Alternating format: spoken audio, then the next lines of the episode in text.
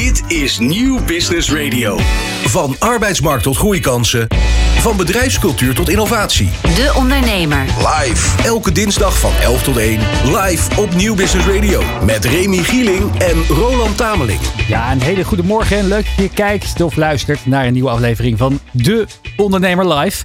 Een bijzondere aflevering om meerdere redenen. Dat kun je stellen, ja. Roland Tameling is terug van weg geweest. Dat is allereerst ongelooflijk fijn.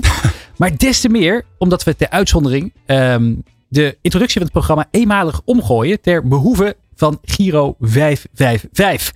Het zal niemand ontgaan zijn dat in Syrië en Turkije er een uh, recente ramp heeft afgespeeld door de diverse aardbevingen die daar hebben afgespeeld. En in de studio is de Nederlandse ondernemer Joost van der Groot. Die daar belangrijke partners en toeleveranciers heeft zitten in het rampgebied.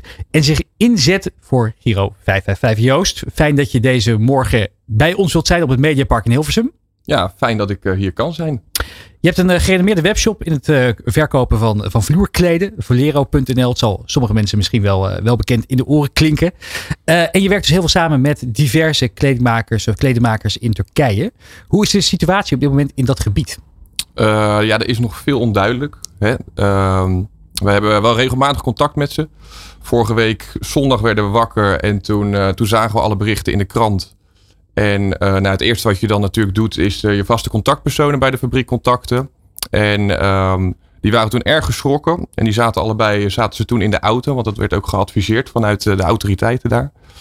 En um, ja, ze, ze weten nog steeds niet heel erg veel. En wat het nu wel zo is, is uh, wij doen veel zaken met fabriek in Gaziantep. En Gaziantep is echt wel het, het gebied waar, waar het meeste gebeurd is. Maar vooral de dorpen die daar omheen zitten, ja. zijn de dorpen die um, ja, het meest getroffen zijn. Ik denk ook omdat daar de gebouwen van toch wel slechtere kwaliteit waren als in de stad zelf. Ja. Je moet uh, ietsjes dicht op de microfoon zitten, zodat de luisteraars ook je goed kunnen, goed kunnen verstaan. Ja, die, uh, die stad waar je het over hebt, dus ergens iets wat ten noorden van, uh, van Syrië. En je gaat daar ook af en toe naartoe met, uh, met collega's. Sterker nog, je zou daar eigenlijk op dit moment zitten. Ik zou eigenlijk vandaag daar landen, inderdaad. Ja, klopt. Dus op die manier kwam het ook opeens best wel dichtbij. Ja, ja snap ik. Wat, ja. uh, uh, hoe vaak gaan jullie die richting op met het, met het bedrijf? ongeveer één tot twee keer per jaar. Ja, meestal ontmoeten we elkaar twee keer per jaar. Dus komen de Turken hier één keer naartoe en wij gaan altijd daar een keertje naartoe. En er zijn soms ook nog wat beurzen in Duitsland waar we elkaar dan nog een keer ontmoeten. Kan je eens vertellen wat voor, ja, wat, voor, wat, voor, wat voor gebied dat is? Want ik denk dat het voor heel veel mensen, je hebt het op tv gezien, maar vooral na de rampen. Als je uh, teruggaat inderdaad naar de keren dat je er bent geweest, terwijl het gewoon in de normale dagelijkse zaken gaande was. Wat, uh, wat, wat zie je dan? Wat, wat, wat ja, het, het, is een hele mooie oude culturele stad eigenlijk. En uh, ja, voor ons Nederlanders en misschien wel Europeanen eigenlijk best wel een onbekend gebied. Hey, we hebben best wel wat berichten over gehad vanwege Syrië, wat daar allemaal speelt. En het ligt daar natuurlijk dichtbij in de buurt. Maar als je daar in de stad ja, gewoon rondloopt, merk je er eigenlijk heel weinig van. En uh, ja, juist heel veel oudheid dus en veel cultuur. En dat is, merk je ook dat die mensen die daar wonen, dat die daar heel erg trots op zijn. En dat ook graag willen laten zien. En dat is ook vooral heel pijnlijk. Hè? Natuurlijk, naast al het menselijk leed uh, is ook heel veel van die cultuur gewoon weggevaagd, om het zo te zeggen. Ja. En wat doet dat met jou als, uh, als partner van die mensen die daar, die daar werken en wonen? Uh, ik kan me voorstellen dat dat nogal machteloos voelt. Kun je iets? Uh, op het moment eigenlijk relatief weinig. Dus uh, gewoon wel een luisterend oor zijn. En wat ik nu gewoon merk is waar hun heel erg mee zitten. Is dat ze bang zijn dat wij bang zijn geworden om daar de zaken te blijven doen. Om het zo okay. te zeggen. Ja. En uh, dat is wat wij gewoon ook in gesprekken met ze aangegeven hebben. Van joh, we zitten erin voor de lange termijn.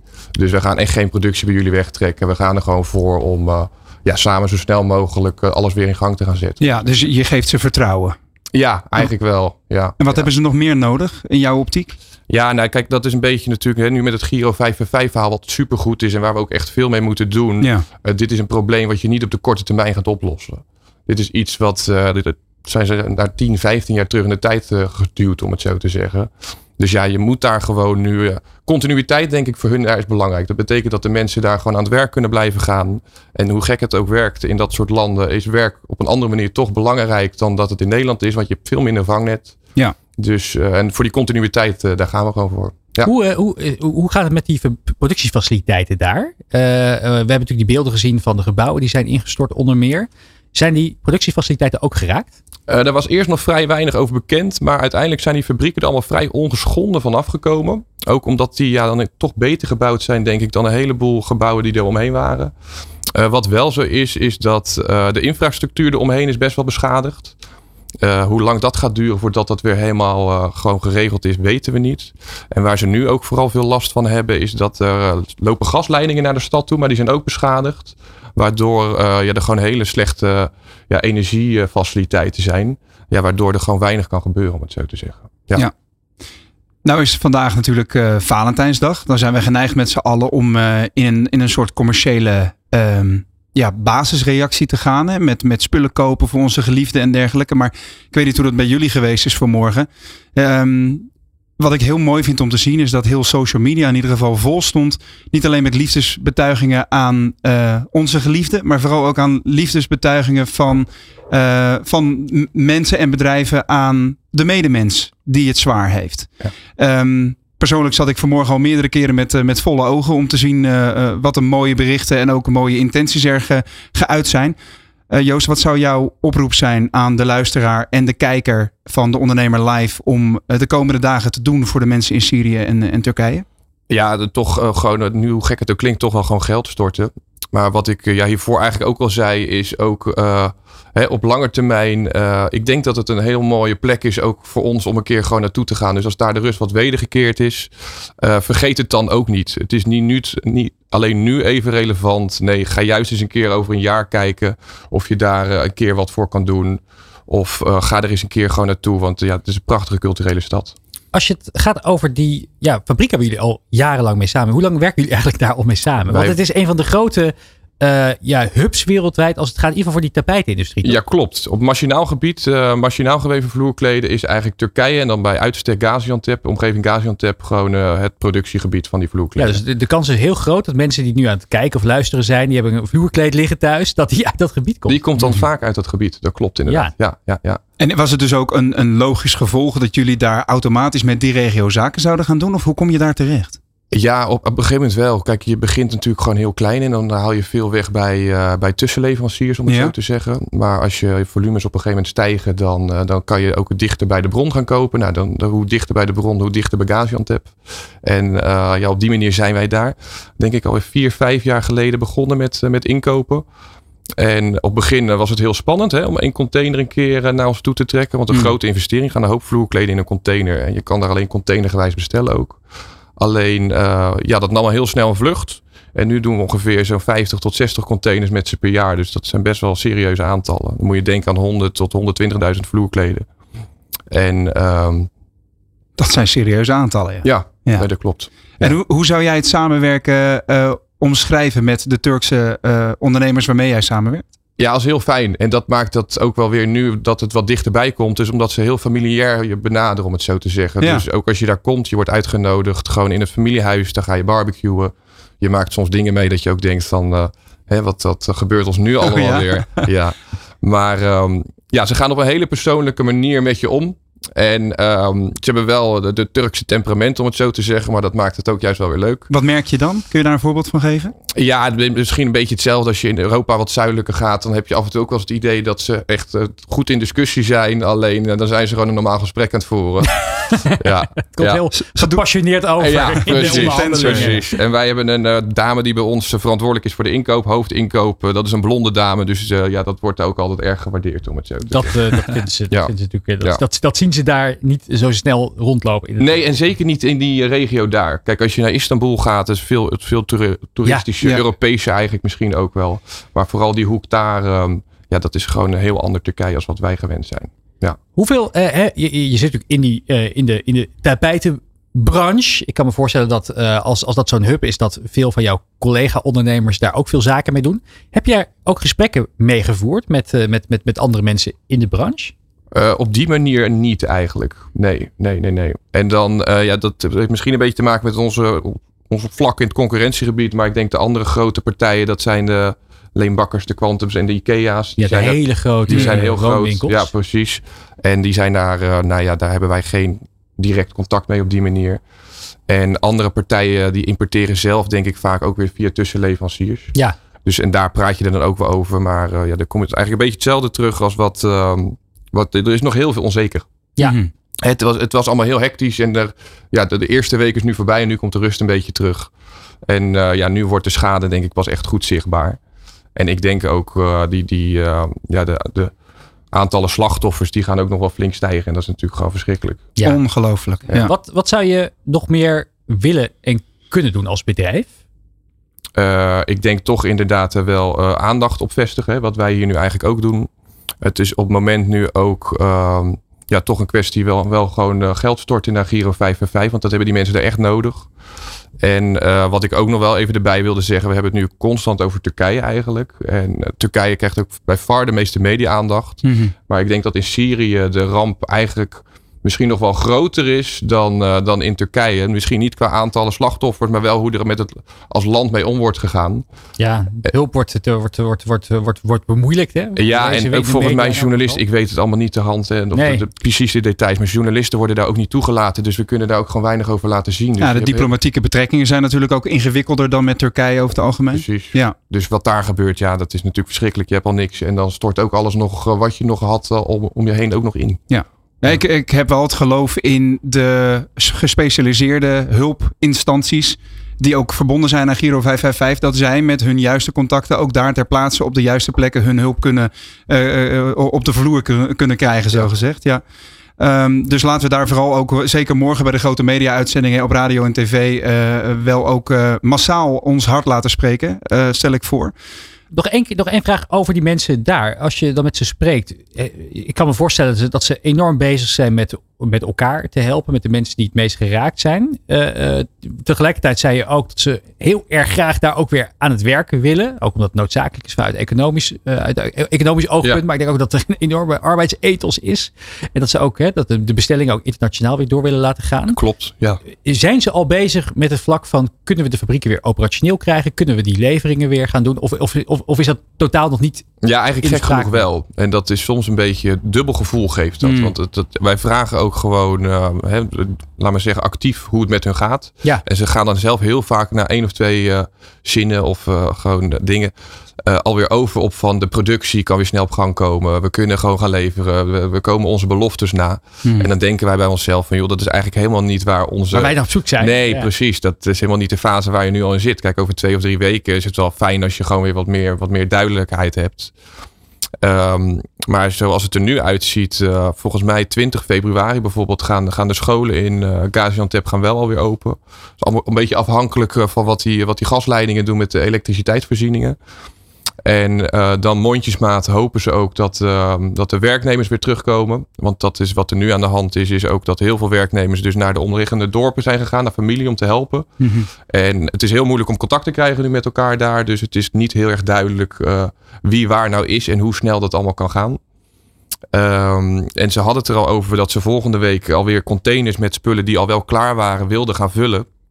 En, maar dan zijn er nog weer heel veel dingen onduidelijk over wat gaan we doen met transport. En naar mijn mening heeft het, uh, ja, het vervoer van vloerkleden nu bij lange na niet de hoogste prioriteit. nee, nee, nee die, die havens moeten gewoon gebruikt worden voor, uh, voor hulpgoederen en dergelijke. Laatste vraag van mijn kant. Je gaf net aan uh, dat het draait om vertrouwen hè, met uh, samenwerking met Turkse ondernemers. Uh, dat er ook veel familiaire banden zijn. Ik kan me voorstellen dat hoe gek het ook klinkt, uh, je handen ook jeuken om zelf daar naartoe te gaan. Is dat, is dat iets dat je zou, zou willen en gaat doen?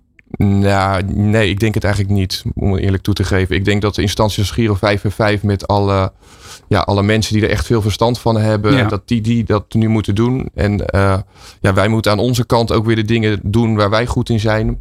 En uh, op die manier elkaar helpen. En ik denk het beste wat wij nu kunnen doen is eigenlijk een beetje waar ik op het begin al eerder wat op terugkwam. Gewoon uitspreken naar de mensen daar van joh.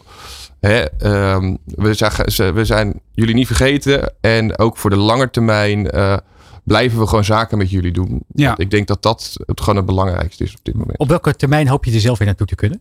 Uh, ik hoop uh, toch over een maand ongeveer uh, wel weer een keer die kant op te gaan. Toch om ja, ook wel te kunnen kijken of we gewoon wel de, de zaken op gang kunnen laten houden zoals, zoals het was. Ja. ja.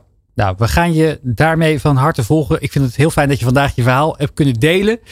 Dat we ook wat meer begrip hebben voor de regio en wat voor ondernemerschap daar aan ten grondslag ligt. En dat uh, uh, iedereen inderdaad maar een mooi bedrag mag storten op Giro 555. Ontzettend bedankt voor je komst vandaag, ondernemer Joost van der Groot van Volero.nl. Dankjewel. De aardbeving in Turkije en Syrië heeft het leven van tienduizenden mensen volledig verwoest. Er is behoefte aan medische zorg, voedsel en onderdak. Daarom is jouw hulp nu nodig. Samen komen we in actie voor de slachtoffers van de aardbeving. Geef op giro555.nl. Van arbeidsmarkt tot groeikansen. Van bedrijfscultuur tot innovatie. De Ondernemer. Live. Elke dinsdag van 11 tot 1. Live op Nieuw Business Radio. Met Remy Gieling en Roland Tameling. Goedemorgen en leuk dat je kijkt en of luistert naar De Ondernemer Live. Een uh, bijzondere aflevering. Zoals we eerder al zeiden, we hadden het over Giro 555. Maar we gaan door met de reguliere uitzending. We gaan het hebben over Valentijnsdag. Maar ook over het vraagstuk hoe je je start-up slim uitbreidt naar het buitenland. Hoe we de biodiversiteit in Nederland vergroten. En ja, wat, uh, wat uh, en wat allemaal niet met uh, op deze 14 februari. Roland, ja. heb jij al wat gedaan voor Valentijnsdag? Ben jij al, al goed aan de bak geweest? Je hebt in ieder geval een heel mooi rood shirt aangetrokken ja, voor de ja, gelegenheid. Ik denk de kleur van de liefde. laten we eens even ook in deze toch wel uitdagende tijden wat kleur in het leven brengen. Nou, Emmy is daar ook zeer enthousiast mee, mee begonnen vandaag. Dat, dat doet ons deugd. En uiteraard heb ik mijn geliefde vanmorgen wel verrast met een mooie kaart en een mooie verrassing op de keukentafel zoals het hoort. Maar ik ben wel, uh, net als bij het, uh, het gesprek dat we net hadden over Turkije en Syrië. Um, het geld dat nu niet wordt uitgegeven aan allerlei snuisterijen en plastic rommel gaat naar Giro 555. Ja, prachtig. En wat een mooi bruggetje ook. Inderdaad, naar onze tafeldame. De komende anderhalf uur te gast.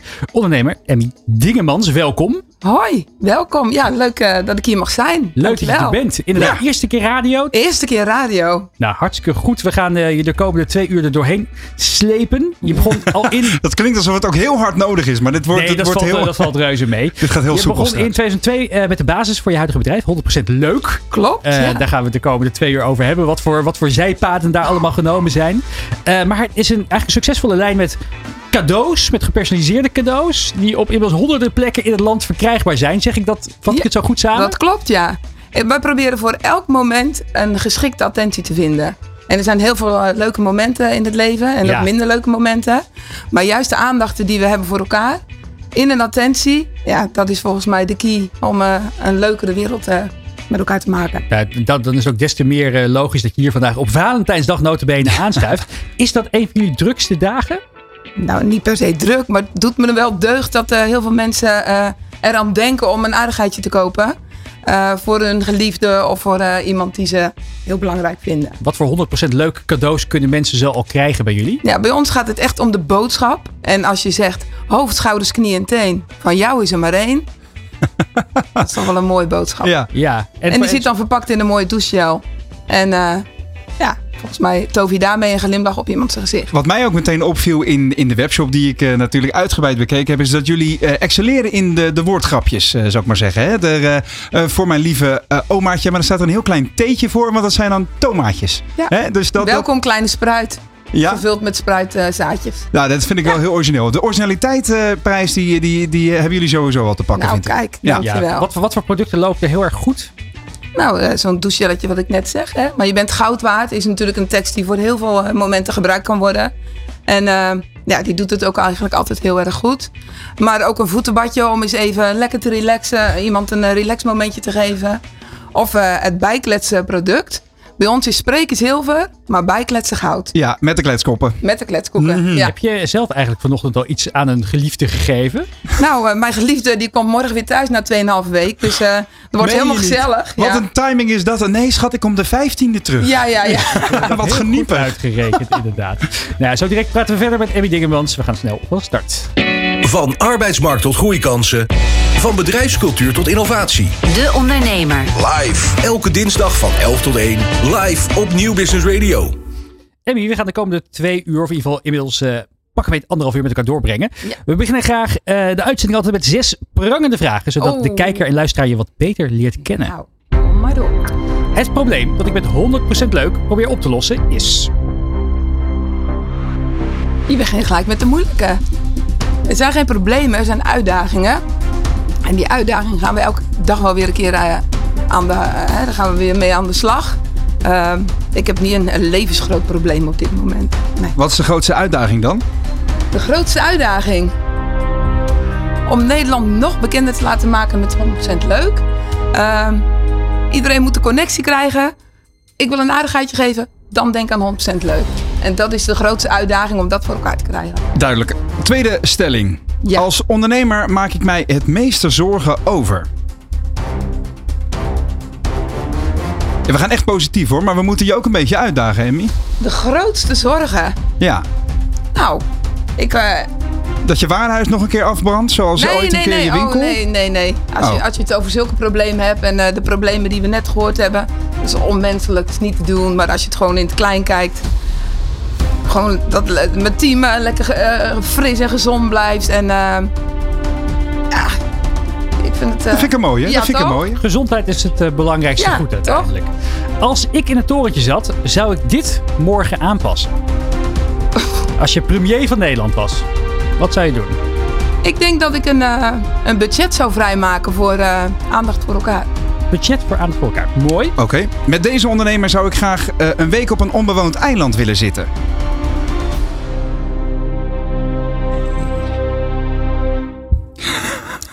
Jongens.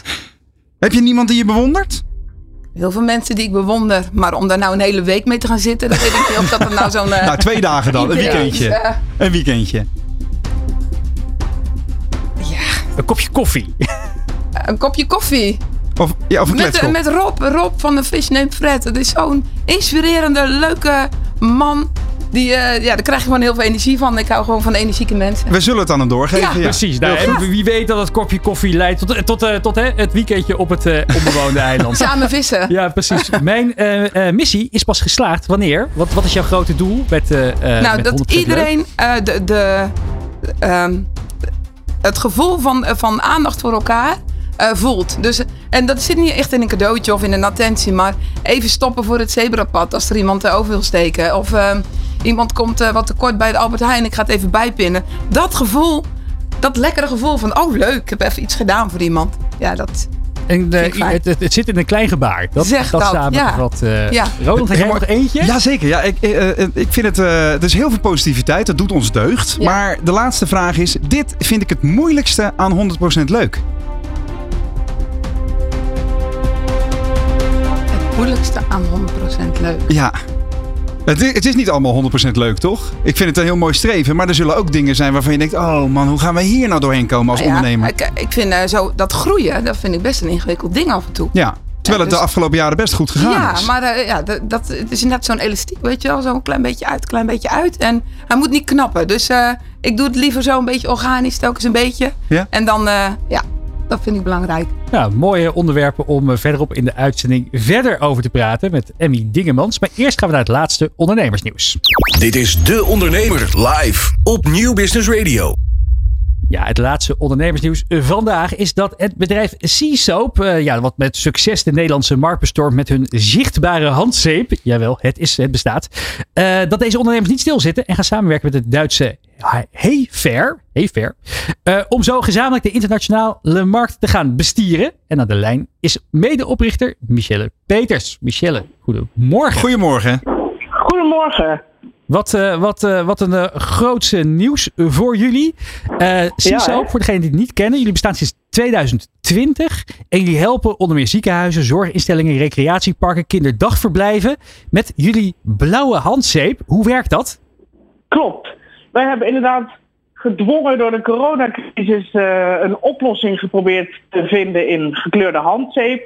En het werkt zo simpel als dat het klinkt. Het helpt jou op je handen zien of dat je heel je handen goed gewassen hebt. En op die manier ben je bewuster van je handen goed wassen. Ja, als je eh, dit in, in actie wil zien, dan raad ik je aan om ook even de video te kijken op deondernemer.nl. Die, eh, die ik samen met, eh, met Michelle en haar zus Sophie in 2020 gemaakt heb. Ehm, want dan zie je inderdaad hoe het werkt. Hè? Je, je, je was je handen normaal gesproken en dan zie je wel wat schuim, maar dan weet je niet precies waar je geweest bent. Met het blauwe schuim van Seasoap zie je daadwerkelijk waar de soap geweest is. En, dan, en, en dat blijkt dus een enorm succes, maar ook groter dan jullie zelf hebben gedacht, hè Michelle? Precies, we hebben eigenlijk soms als je iets wat zo relatief simpel lijkt ineens bedenkt als een idee, dan uitbouwt tot een bedrijf, dan schrik je soms van eh, dat het inderdaad een goed idee bleek en eh, levensvatbaar is voor de business om eh, de mensen te helpen. Maar dat wordt natuurlijk niet begrensd door landgrenzen in dit geval. En ik denk, om jullie even mee te nemen in dat proces, een half jaar geleden of zo waren Sofie en ik twee jaar lang in de achtbaan van Seasoap uh, aan het denderen. En toen keken we elkaar aan van waar gaat dit heen, maar ook waar moet het naartoe? Hè? Dat kom je als ondernemer natuurlijk tegen, die, die gevoelens en vraagstukken. Um, en toen zijn we daar eens gaan puzzelen van ja, wat willen we zelf? Welke potentie zit er in het bedrijf? Wat gebeurt er in de wereld? En dan even los van alle verschrikkelijke dingen waar jullie het vandaag ook over hebben, maar bedoel ik meer de ondernemerswereld. Ja. En toen zagen we in Duitsland uh, twee bedrijven die een soortgelijke uh, oplossing gelanceerd hadden. Hè? Dus zichtbare handzeep. En die zijn we eens gaan volgen. En toen bleek, Sofie is echt de speurneus van ons tweeën, dat we ook een Duitse bestelling hadden gehad. En toen hebben we die eens even goed nagetrokken. En toen bleek dat dus een van die twee bedrijven te zijn. En dat was eigenlijk het begin van het contact. En toen heb ik de stoute schoenen aangetrokken. En vanuit hè, het geloof dat je niet uit concurrentie moet denken, maar vanuit eigen kracht moet handelen, heb ik gewoon uh, hebben we ze ja, benaderd en gebeld van wie zijn jullie, hoe pak je het aan, uh, wat zijn je ambities en uh, ja, zullen we eens kijken naar krachten bundelen in plaats van uh, het wiel uitvinden allebei. Ja, precies. Want wat voor bedrijf is dat Hey Fair? Dat kennen we in Nederland, kennen we het niet. Maar als in dat de site bekijk, zie ik dat zij volgens mij dezelfde soort missie nastreven als wat jullie doen. Uh, uh, ja, hoe, deels. deels. Want uh, Hefer is, hun missie is zeg maar hygiëne zichtbaar maken. En onze missie is er altijd geweest handen wassen makkelijker, leuker en beter maken. En dan kun je je voorstellen dat hygiëne eigenlijk net iets breder nog is. Mhm. Um, dus zij hebben naast een zeep hebben ze ook een desinfectiemiddel ontwikkeld. Dat eigenlijk dezelfde werking heeft. Namelijk je ziet wat je doet. Dat verdwijnt ook weer. Uh, en die combinatie is natuurlijk wel uh, ja, heel erg fijn en voor de hand liggend en potentieel.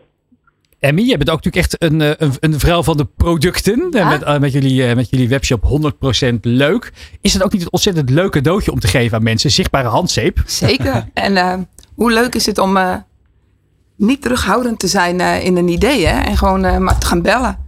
En het is een super simpel idee, maar het werkt. En heel tof als je ziet hoe, hoe je dat mooi uit kan breiden.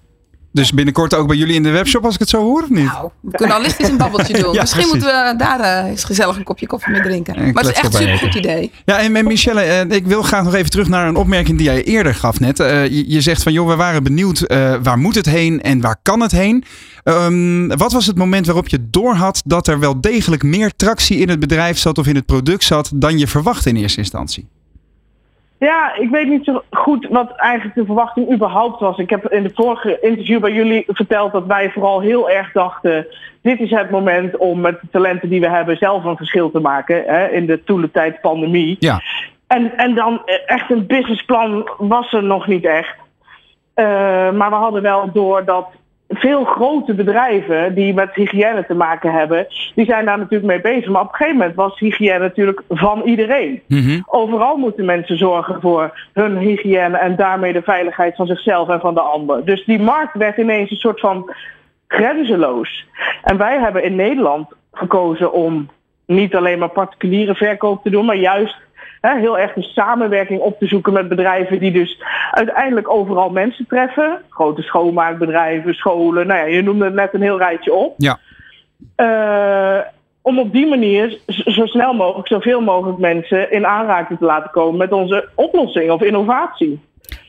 Het uh, samenwerken met ja, nieuwe partijen, dat brengt altijd ook uitdagingen met zich mee. Ik denk zeker als het te maken heeft met uh, bedrijven uit andere landen, waar toch vaak ja, er een cultuurverschil is. Wat voor ja. cultuurverschil merk je en hoe probeer je dat op te lossen? Ja, dan is Duitsland natuurlijk het land bij uitstek om stiekem nu grapjes in je hoofd te hebben. ik kan, ik kan uh, bevestigen dat die best wel waar zijn. Weet je, de Groenkliefkeit, de Sofie en ik, onze kracht zit hem echt in. He, enthousiast, ondernemen, ja. strijddenken, uh, gewoon handelen. Maar de Duitsers even generaliserend gezegd, maar onze ervaring is, die zijn toch wat ja, meer behouden, wat zakelijker, wat meer feitelijk. Deze club is ook wat wetenschappelijker dan dat wij uh, überhaupt zijn, maar ook met ons product en marketing zijn. Dat is een cultuurverschil, maar ook gewoon een businessverschil. Dat is, uh, daar hebben we het langst over moeten praten met elkaar. Van ja, maar de missie is gezamenlijk, maar hoe zie je de route naar succes, weet je? De wetenschappelijke route is anders dan de verhalen, vertelroute en onderweg een glimlach creëren. Tot slot, uh, jullie uh, gaan de eerste internationale stappen zetten. Waar sta je over een jaar? Waar staan we over een jaar? ja, ik denk dat dat antwoord uh, hetzelfde is als een jaar geleden. Weet ik niet, maar de wereld is groot. En uh, die kan wel wat kleur en hygiëne gebruiken. Nou, en we zijn goed op weg. Ontzettend mooie missie. En ik weet nog dat jullie, toen ik in de jury stond van de CSU Innovatie Award, jullie ook aan het pitchen waren. Het was al een prachtig mooi concept en mooi hoe jullie dat hebben uitgerold. Nu ook naar het buitenland. We gaan jullie blijven volgen. Dankjewel Michelle Peters van C-Soap. De Ondernemer. Live op Nieuw Business Radio. Ja, in de studio op het Mediapark in Hilversum praten we verder met ondernemer Emmy Dingemans. Emmy, neem ons eventjes terug naar het jaar 2002. Het was het jaar dat je je bedrijf uh, bent begonnen. Ja. Waar kwam dat vandaan? Wat deed je daarvoor? Daarvoor? Ik heb uh, in de kinderkleding gezeten als uh, verkoopster. Helemaal leuk. En toen ik getrouwd was, ben ik bij Felicitas gaan werken. Dat is voor jullie tijd, denk ik. Denk het. Ja, het doet een vaag belletje rinkelen. echt maar heel erg leuk. Ja. Um, Wat deed Felicitas? Felicitas uh, felic die feliciteerde ouders die net uh, een babytje hadden gekregen. Met een uh, heel mooie doos. En er zaten allemaal lekkere dingetjes in. Als een, een potje voor de eerste hapjes. En een boekje. En een cd-serie. En natuurlijk een EHBO-boek. Is dat de en, voorloper van de blije doos, ja, zeg maar? En ja, daar ging ik mee langs de deur. Ja. En dan belde ik aan. En dan had ik allemaal leuke moeders en baby's. En nou, dan ging ik zo'n pakketje brengen. Dat, je uh, bent deed altijd ik. wel bezig geweest met mensen blij maken. Ja, ja dat, uh, dat ja. was uh, een hele leuke tijd. En dat deed ik zo zes, zeven mensen op een dag. En dat beviel heel erg goed. Wat even, even voor mijn beeld, wat was het businessmodel daarachter dan? Ja, eigenlijk is de bedoeling dat je dan een cd-serie gaat verkopen. Ja, of het eerste hulp bij ongelukken boekje gaat verkopen. Ja. En de mensen ook kennis laat maken met een half rietpotje of een zitsel tubetje. Ja. Ja, dus dat. maar ik had zelf drie kleine kinderen. Dus ik ging heel leuk naar die baby's. Maar uh, ik had thuis ook gewoon uh, drie, drie jongens. Zoons, hè? Ja. En uh, de jongste was twee. En die bracht ik natuurlijk naar de oppas. En dat vond hij niet zo leuk. Hij had zo van die rode tranen. Als je, van die rode wangen.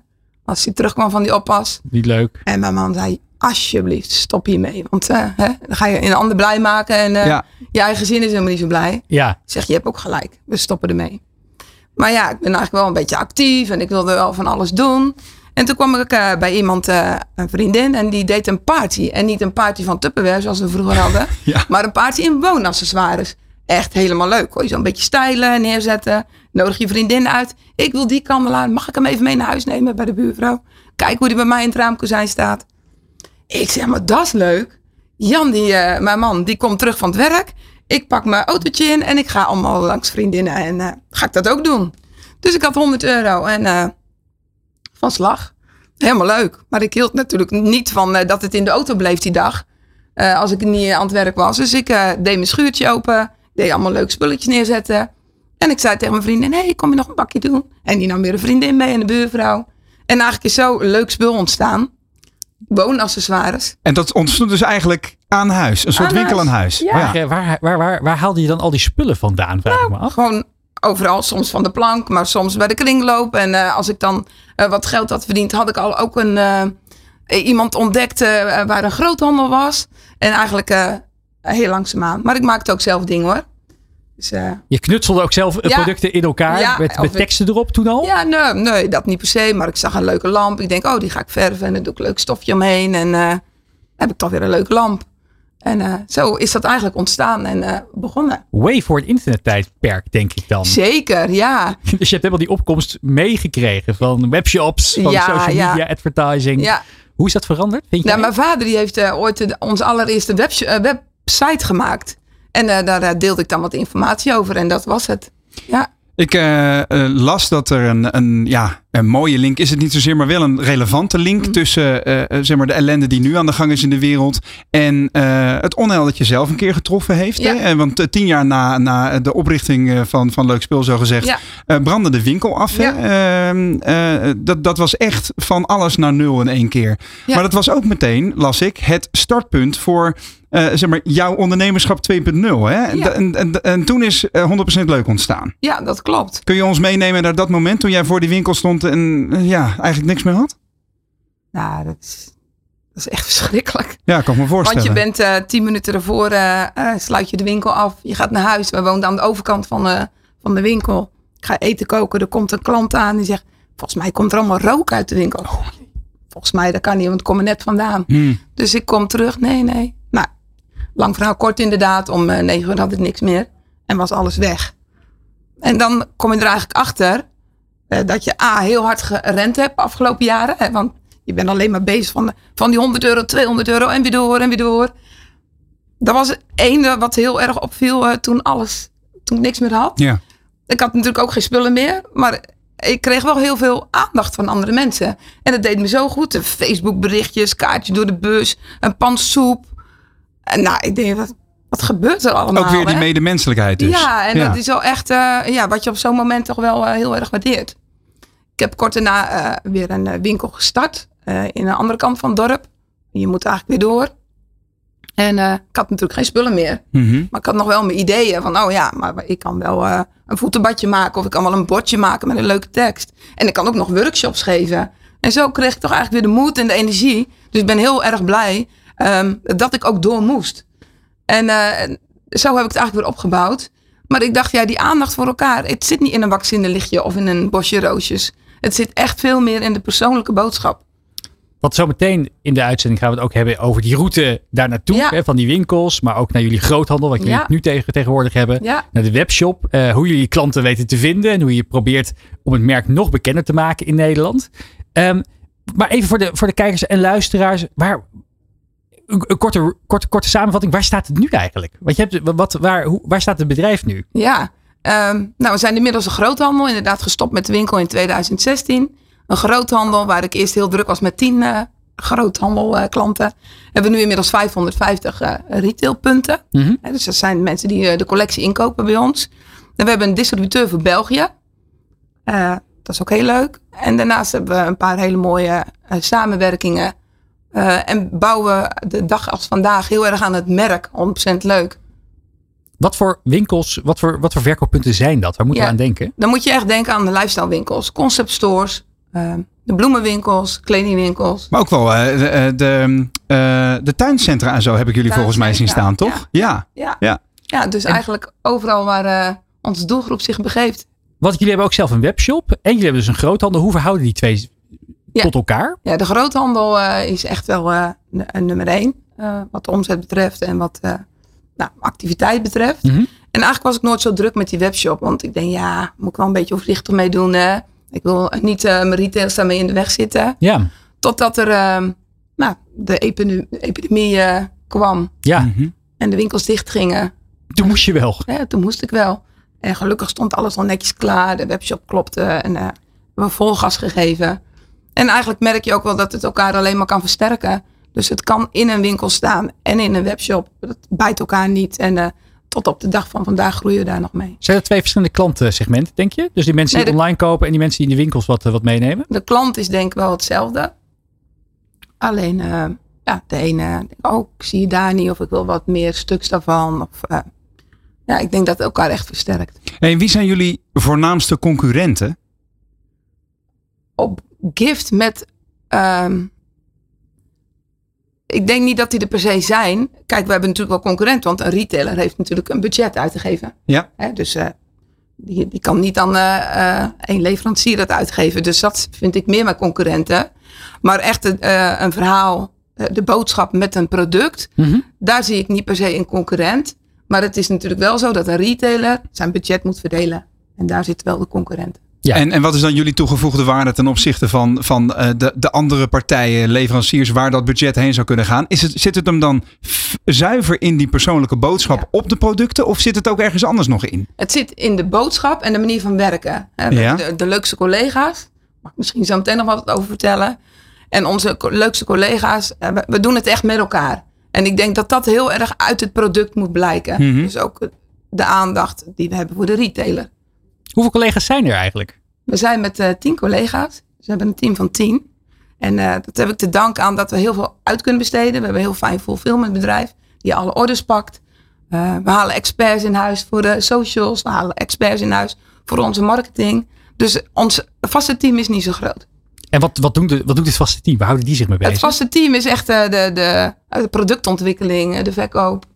Ehm, Die gaan kijken van wat voor producten ze nog meer kunnen bedenken. Ja, ja. ja. dus wij gaan sourcen. We gaan kijken van, hé, hey, maar eh, we zien een leuk pleet. Oh, wat kunnen we daarmee doen? Mooi tekst eromheen. Eh, eh, Maar z- zit je daar zelf ook nog bij dan? Want dat is natuurlijk begonnen bij, jou, Ja. bij jouw eh, talent, zou ik Ja, maar zeggen. ja. Ja, hoe, hoe, heb, ga- eh, hoe ziet dat eruit in de praktijk? Ik heb een eh, superleuke collega Cynthia. Die was eh, 16 toen ze bij mij kwam als stagiaire. En eh, nou, zij eh, helpt ons eh, tot op de dag van vandaag nog heel erg mee. Dus we doen het eigenlijk met z'n tweeën. Maar dan gaan jullie aan tafel zitten en dan ga je zitten schetsen. Dan ga je eh, woordgrappen bedenken. Dan ga je... Nee. le- Ja, want wie bedenkt die teksten? Vroeg me af. Ja, dat Ja. is echt Cynthia. Cynthia Ja? die kan dat echt ontzettend goed. ja. En zo, zo met elkaar. We hebben ook wel eens dat we gewoon met elkaar zitten. Oh ja, we hebben een pleet. Wat gaan we daarmee doen? Oh ja, lekker relax onder dit pleetje. Wat kunnen we ermee? En zo kom je eigenlijk op de leukste dingen. Leuk. Nou, over eh, eh, leuk. 100% leuk. Gunther Het is, de, het is, het, eh, het is het, eh, de slogan van vandaag op deze 14 februari, Valentijnsdag. We praten hier zo meteen over verder met jou, Abby. Maar eerst gaan we het over iets heel anders hebben, namelijk biologische planten. Dit is De Ondernemer live op Nieuw Business Radio. Ja, je kunt je Valentijn, je geliefde, natuurlijk chocolade of een bos bloemen geven. Maar waarom geen kamer- of tuinplant? Het Nederlandse bedrijf Sprinkler heeft de biologische oplossing. Eh, Medeoprichter Suzanne van Straten hangt aan de lijn. Suzanne, goedemorgen nog. Goedemorgen. Goedemorgen. Goedemorgen. Goedemorgen. Sprinkler, de elevator pitch. Hoe eh, leg je het uit aan eh, vrienden en familie op feest en partijen? Eh, ja, het is een, eh, een webshop voor eh, biologische tuinplanten en duurzame kamerplanten. En het is echt gestart vanuit de droom eigenlijk om een stad te vergroenen. Hè, belangrijk voor een veranderend klimaat. Met enorm veel hitte koelt het af en het bergt water op. Maar planten zijn ook heel belangrijk voor biodiversiteit. Maar dan moet je wel de juiste planten kiezen en kopen. En dat zijn biologische planten. Ja, precies. waarom wij er Normaal zijn. gesproken, als, eh, als, eh, als wij wat planten in huis willen halen, dan eh, gaan we inderdaad naar het tuincentrum. Dan kiezen we er eentje uit het mee. Maar dat is niet per se Ja. dan biologisch. Wat, wat is daar dan mis mee? Ja, ehm, toen ik startte las ik een onderzoek en dat heette Gifplanten in het tuincentrum. En het gaat eigenlijk over dat op de meeste planten die je koopt, die niet biologisch zijn, zitten pesticiden. En die zijn gekweekt met kunstmest. En dat zijn gewoon, ehm, met name die pesticiden zijn gewoon schadelijk voor onze leefomgeving en zijn ook schadelijk eh, voor onszelf als mensen uiteindelijk. Ehm, ja, dat is natuurlijk precies niet wat je wil. Meestal zet je planten buiten ook met het idee dat het goed voor de bloemetjes en de bijtjes. Hè? Dus het is goed voor de insecten. Eh, maar als je er zo'n plant buiten eh, zet, is dat gewoon schadelijk voor insecten. En dat, ja, dat is natuurlijk eh, precies niet wat je wil. Ik kan me nog een eh, uitzending van de Keuringsdienst van Waarde volgens mij eh, herinneren. Waarbij ze ook op zoek gingen naar tuincentra. Waar dan heel mooi bij allemaal planten ja, bordjes erin stonden van oh wat leuk voor de bijtjes dit. Dat bleek gewoon vol te zitten met pesticiden. Daar, daar gingen de bijtjes hartstikke dood van. Hoe, Ja, hoe, hoe, ben jij op Ja. dit probleem gekomen? Ja, dat is dus zo'n zeven jaar geleden. Ehm, en het begon dus vanuit eigenlijk de wens van een groenere stad en hoe belangrijk dat is en hoe fijn dat is om je te omringen door groen. En ik had er verder zelf heel weinig verstand van, dus ik ging ook echt als leek deze wereld in. En dat maakte dat dat rapport van Greenpeace eigenlijk zo eh, rauw op mijn dak viel. Dat ik dacht, hoe kan het dat er een hele industrie is die eh, eigenlijk planten maakt die goed kunnen zijn voor biodiversiteit. Mhm. Maar die ze vervolgens zo behandelen dat ze slecht zijn voor biodiversiteit. En nou, toen zag ik dat eigenlijk de enige planten waarvan je weet dat het wel goed is, hè, dus waarvan je weet dat er geen chemische pesticiden op zitten, dat zijn biologische planten. Maar die, die waren helemaal niet zo makkelijk te vinden. Ja, als je naast een kwekerij woont, eh, dan is het toegankelijk. Maar anders niet. En eh, daar is eigenlijk de missie van Sprinkler geboren. Om het echt toegankelijk maken van biologische tuinplanten. En waar halen jullie je planten dan vandaan? Ja, die halen we van biologische kwekers. En is dat allemaal in, eh, lokaal In ook? Brabant bijvoorbeeld. Ja. Ja, want da- daar zit natuurlijk ook een, een enorm winstpunt. Hè? Als je ze, kijkt maar naar de eh, transport van de groente en fruit over de hele wereld, om maar eens wat te noemen. Hoe zit dat in de, in de plantenwereld? Ja, om daar even op in te haken. Ik las vandaag nog op de NOS dat het Valentijnsboeket dit jaar vaker vol zit met bloemen uit het buitenland. Ja, Dus, en daar heeft. Anje Lubach natuurlijk laatst ook een enorm item over gemaakt. Waar een hoop Ja. controverse over is geweest. Hè? Dat er zeg maar, de CO2-footprint van jouw plantjes die je geeft aan je geliefde. of de bloemen die je geeft aan je geliefde. eh, eigenlijk volledig uit, eh, eh, uit de klauwen loopt de, de laatste jaren. Ehm, hoe, eh, hoe is dat inderdaad in, eh, in, in jullie wereld? Ja, voor ons is het zo dat eh, die planten die eh, groeien in de open lucht. Dus die groeien, groeien buiten. Nou, dat is hartstikke handig, want ze staan uiteindelijk ook buiten. Dus daar zijn ze ook een stuk steviger door. Ja. En eh, ja, het transport is eigenlijk van de kwekerij naar ons en naar de klant. Dus dat is allemaal in, in Nederland en allemaal echt goed te overzien. Ehm, dus inderdaad, eh, ja, een, een totaal ander plaatje als je dat vergelijkt met eh, bloemen die uit Kenia komen vliegen en die dan ook weer via hier naar eh, Saudi-Arabië gaan en daar dan twee, twee weken op een tafel staan. Dat is Ja. onvergelijkbaar. Als ik op de website kijk, dan zie ik inderdaad eh, meerdere tapjes waar je, waar je dingen bij jullie kan bestellen. Het gaat over kamerplanten, tuinplanten, zaden. Ik zie ook dat je verschillende pakketten aanbiedt voor mensen die misschien een beetje last hebben van keuzestress. Ik zie ook een onverwoestbaar pakket. Ik denk dat dat voor mij ongelooflijk nuttig zou Ja. zijn. Jij bent zo iemand die zelfs een eh, vetplant nog om zeep helpt? Ik, eh, ik, doe me, ik, ik, ik doe mijn best. We zijn op dit moment een plant aan het redden bij ons thuis. Met alle mogelijke middelen die we hebben. Dus Er tegen praten, Ja, nou, daarover er tegen verwaarlozing een, een tip. ja, precies. precies. Daarover, later meer. Eh, eh, hoe, ja, hoe gaat het? Wat voor, wat, wat jullie, er staat ook klantcijfer een 9,7. Dus blijkbaar zijn de klanten ongelooflijk tevreden met wat jullie leveren. Eh, kan je iets delen qua, qua cijfers? Hoeveel planten leveren jullie per maand? Nou, dat varieert heel erg. We zitten nu eigenlijk in onze rustige maand en we gaan naar onze hele drukke maand toe. Dat wordt maart, april, mei. Ja, dan gaat het, gaat het gigantisch hard met tienduizenden planten eh, per maand en met eh, meer dan duizend pakketjes per week. Wauw. Ehm, ja. ja, en wat we dan eh, vooral zien is, kijk, zoals wij gegroeid zijn, is het eigenlijk van tevreden klant naar tevreden klant. Dus dat cijfer, die 9,7, is voor ons gewoon ontzettend belangrijk. We zorgen aan de ene kant natuurlijk voor bewustwording over biologische planten. Hè? Dus eh, dat het belangrijk is om voor biologisch te kiezen, of je dat nou bij ons doet of ergens anders. Want veel mensen En hebben waarschijnlijk al het idee dat ze, er, dat ze goed bezig zijn. Sorry dat ik je even onderbreek, maar dat is natuurlijk een, een punt wat je nog wil doorbreken. Dat, wel, welk punt wil ik doorbreken? Nou, dat mensen eh, het gevoel hebben dat ze al goed bezig zijn door die bloemen te planten. Ja. Door, eh, door inderdaad zoveel mogelijk groen in hun tuin te zetten in plaats van grote tegels. Maar daar blijkt dus nog een, dat blijkt nog de, de, hal- de halve waarheid, zo gezegd.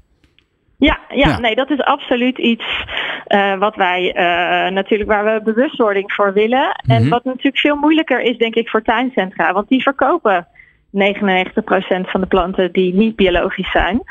Eh, dus voor ons is het makkelijker. Wij hebben gewoon gezegd, onze tuinplanten, onze vaste planten, die zijn gewoon 100% biologisch. Dus kunnen we daar ook ja, heel duidelijk over vertellen van wat de plussen en de minnen zijn. Ehm, ja, en eigenlijk geldt het gewoon, eh, ja, is het toch overal de consensus van als je zeker wil weten dat je iets goed doet en als je zeker wil weten dat er geen chemische pesticiden op de planten zitten, dan moet je kiezen voor biologisch en niet voor andere keurmerken of eh, dingen. Nu heeft onze tafeldame vandaag, eh, Emmy Dingemans, juist ervoor gekozen om met 100% leuk te kiezen om bij externe retailpartners te liggen. Naast een eigen webshop. Eh, maar zorgt ze er natuurlijk wel voor daarmee dat je heel erg zichtbaar bent in de markt. Als mensen toevallig net op zoek zijn, in haar geval naar cadeaus, maar misschien in jullie geval wel naar planten. Ben je ook aan het kijken of je het merk op fysieke locaties in Nederland kan krijgen? Nee, nee, dat is echt niet eh, onderdeel van eh, onze strategie. We hebben er wel eens over nagedacht en we hebben ook wel eens eh, met kamerplanten wat geëxperimenteerd. Ja, we zien eigenlijk zoveel groei in de webshop en we zien ook dat we mensen eigenlijk zo goed kunnen helpen in de webshop. Want nou, je, je, je hebt een stuk tuin, je weet niet wat je ermee moet of je hebt een balkon. Mhm. Ehm, en wij kunnen eigenlijk heel goed in die webshop zeggen van nou heb je zon, heb je halfzon, hoeveel vierkante meters heb je, wil je inheems of wil je meer exotische planten, wil je rood, wil je groen. En daar ja, biedt de webshop eigenlijk een perfecte ervaring voor. En we ook nadat ze bij ons gekocht hebben, blijven we ze helpen met eigenlijk eh, tips en tricks via mailtjes en eh, eh, filmpjes die we maken. Dus zeg maar deze beleving van hè, eh, echt ook geholpen worden in het tuinieren of in het ja, verzorgen ook van je kamerplanten. Mhm. Ja, die kunnen we niet geven op het moment dat je eh, dit in de winkel koopt. Nou, ik kijk er ontzettend naar uit voor de lente. Ik zie wel dat alle kant-en-klare tuinpakketten geschikt voor het balkon niet op voorraad zijn. Daar komt binnenkort verandering in, neem ik aan. Ja, ja, ja, 24 februari. Dan barst 24 het los. februari. Zet Nou, het in dan- je agenda. Daar, ik, word, ik, ik ben fan. Ik word klant. Nou ik vind ja. het een prachtig mooi initiatief. En ik denk dat dit ontzettend gaat helpen. Zeker met die mails die eraan zitten te komen. Om eh, de planten in leven te houden. Eh, ontzettend leuk dat je vandaag bij ons wat wilde vertellen over Sprinkler. En als je nou ook inderdaad duurzame planten wil. In de tuin, op het balkon of in je huis. Ga dan vooral eventjes naar sprinkler.co. En Sprinkler is zonder E aan het einde. Exact. Sprinkler. Dankjewel. En dit is de boekhoudtip van de week. Moet ik die klant wel aannemen? Mag die auto op de zaak? Wanneer moet ik eigenlijk BTW betalen? En moet ik deze factuur ook zeven jaar bewaren? Valt dit nou onder werkkleding? En is die nieuwe regel voor mij van toepassing? Waarom mag ik deze kosten nou niet opvoeren? Zomaar wat vragen waar de gemiddelde ondernemer met regelmaat tegenaan loopt.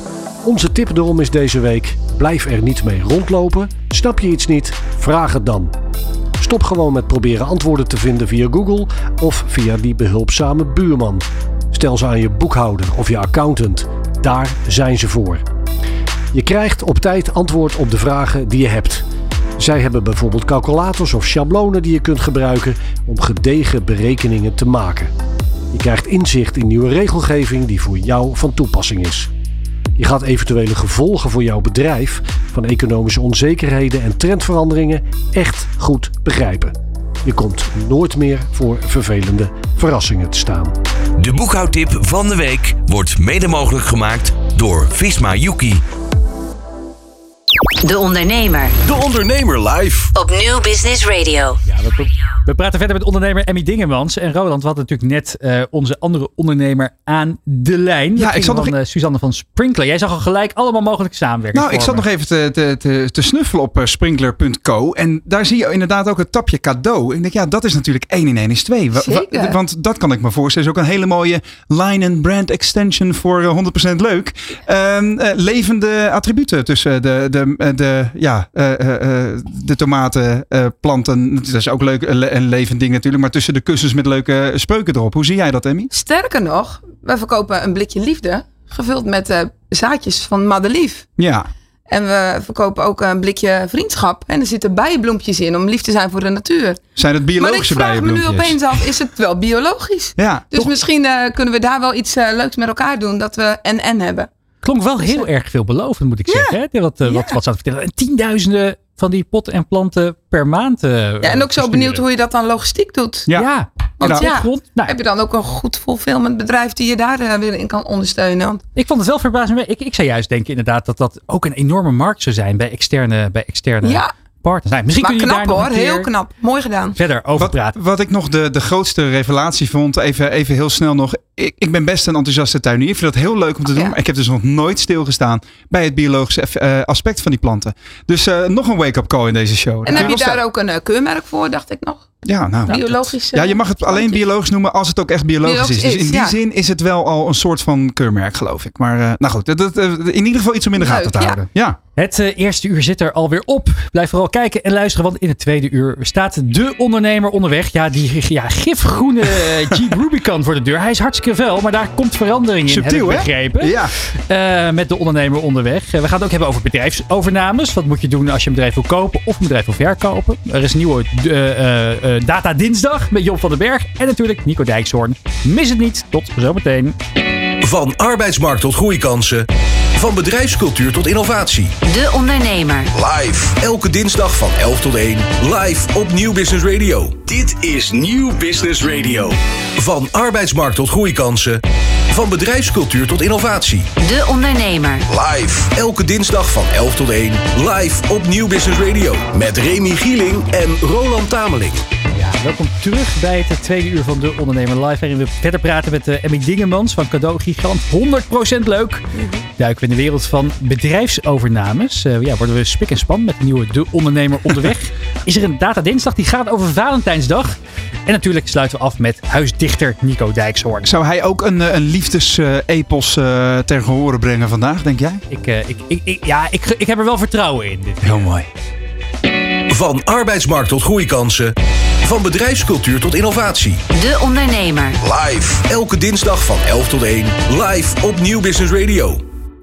Emmy, we praten vandaag verder over jouw bedrijf 100% Leuk. Uh, ja, ruim 20 jaar ondernemerservaring heb je al. Dat is wat, hè? Ja. Ja, ja. Blik je wel eens erop terug? Dat je kijkt van, jeetje, wat hebben we al veel gedaan in die periode? En wat gaat de tijd waarschijnlijk ontzettend snel? Ja, wat gaat de tijd ontzettend snel?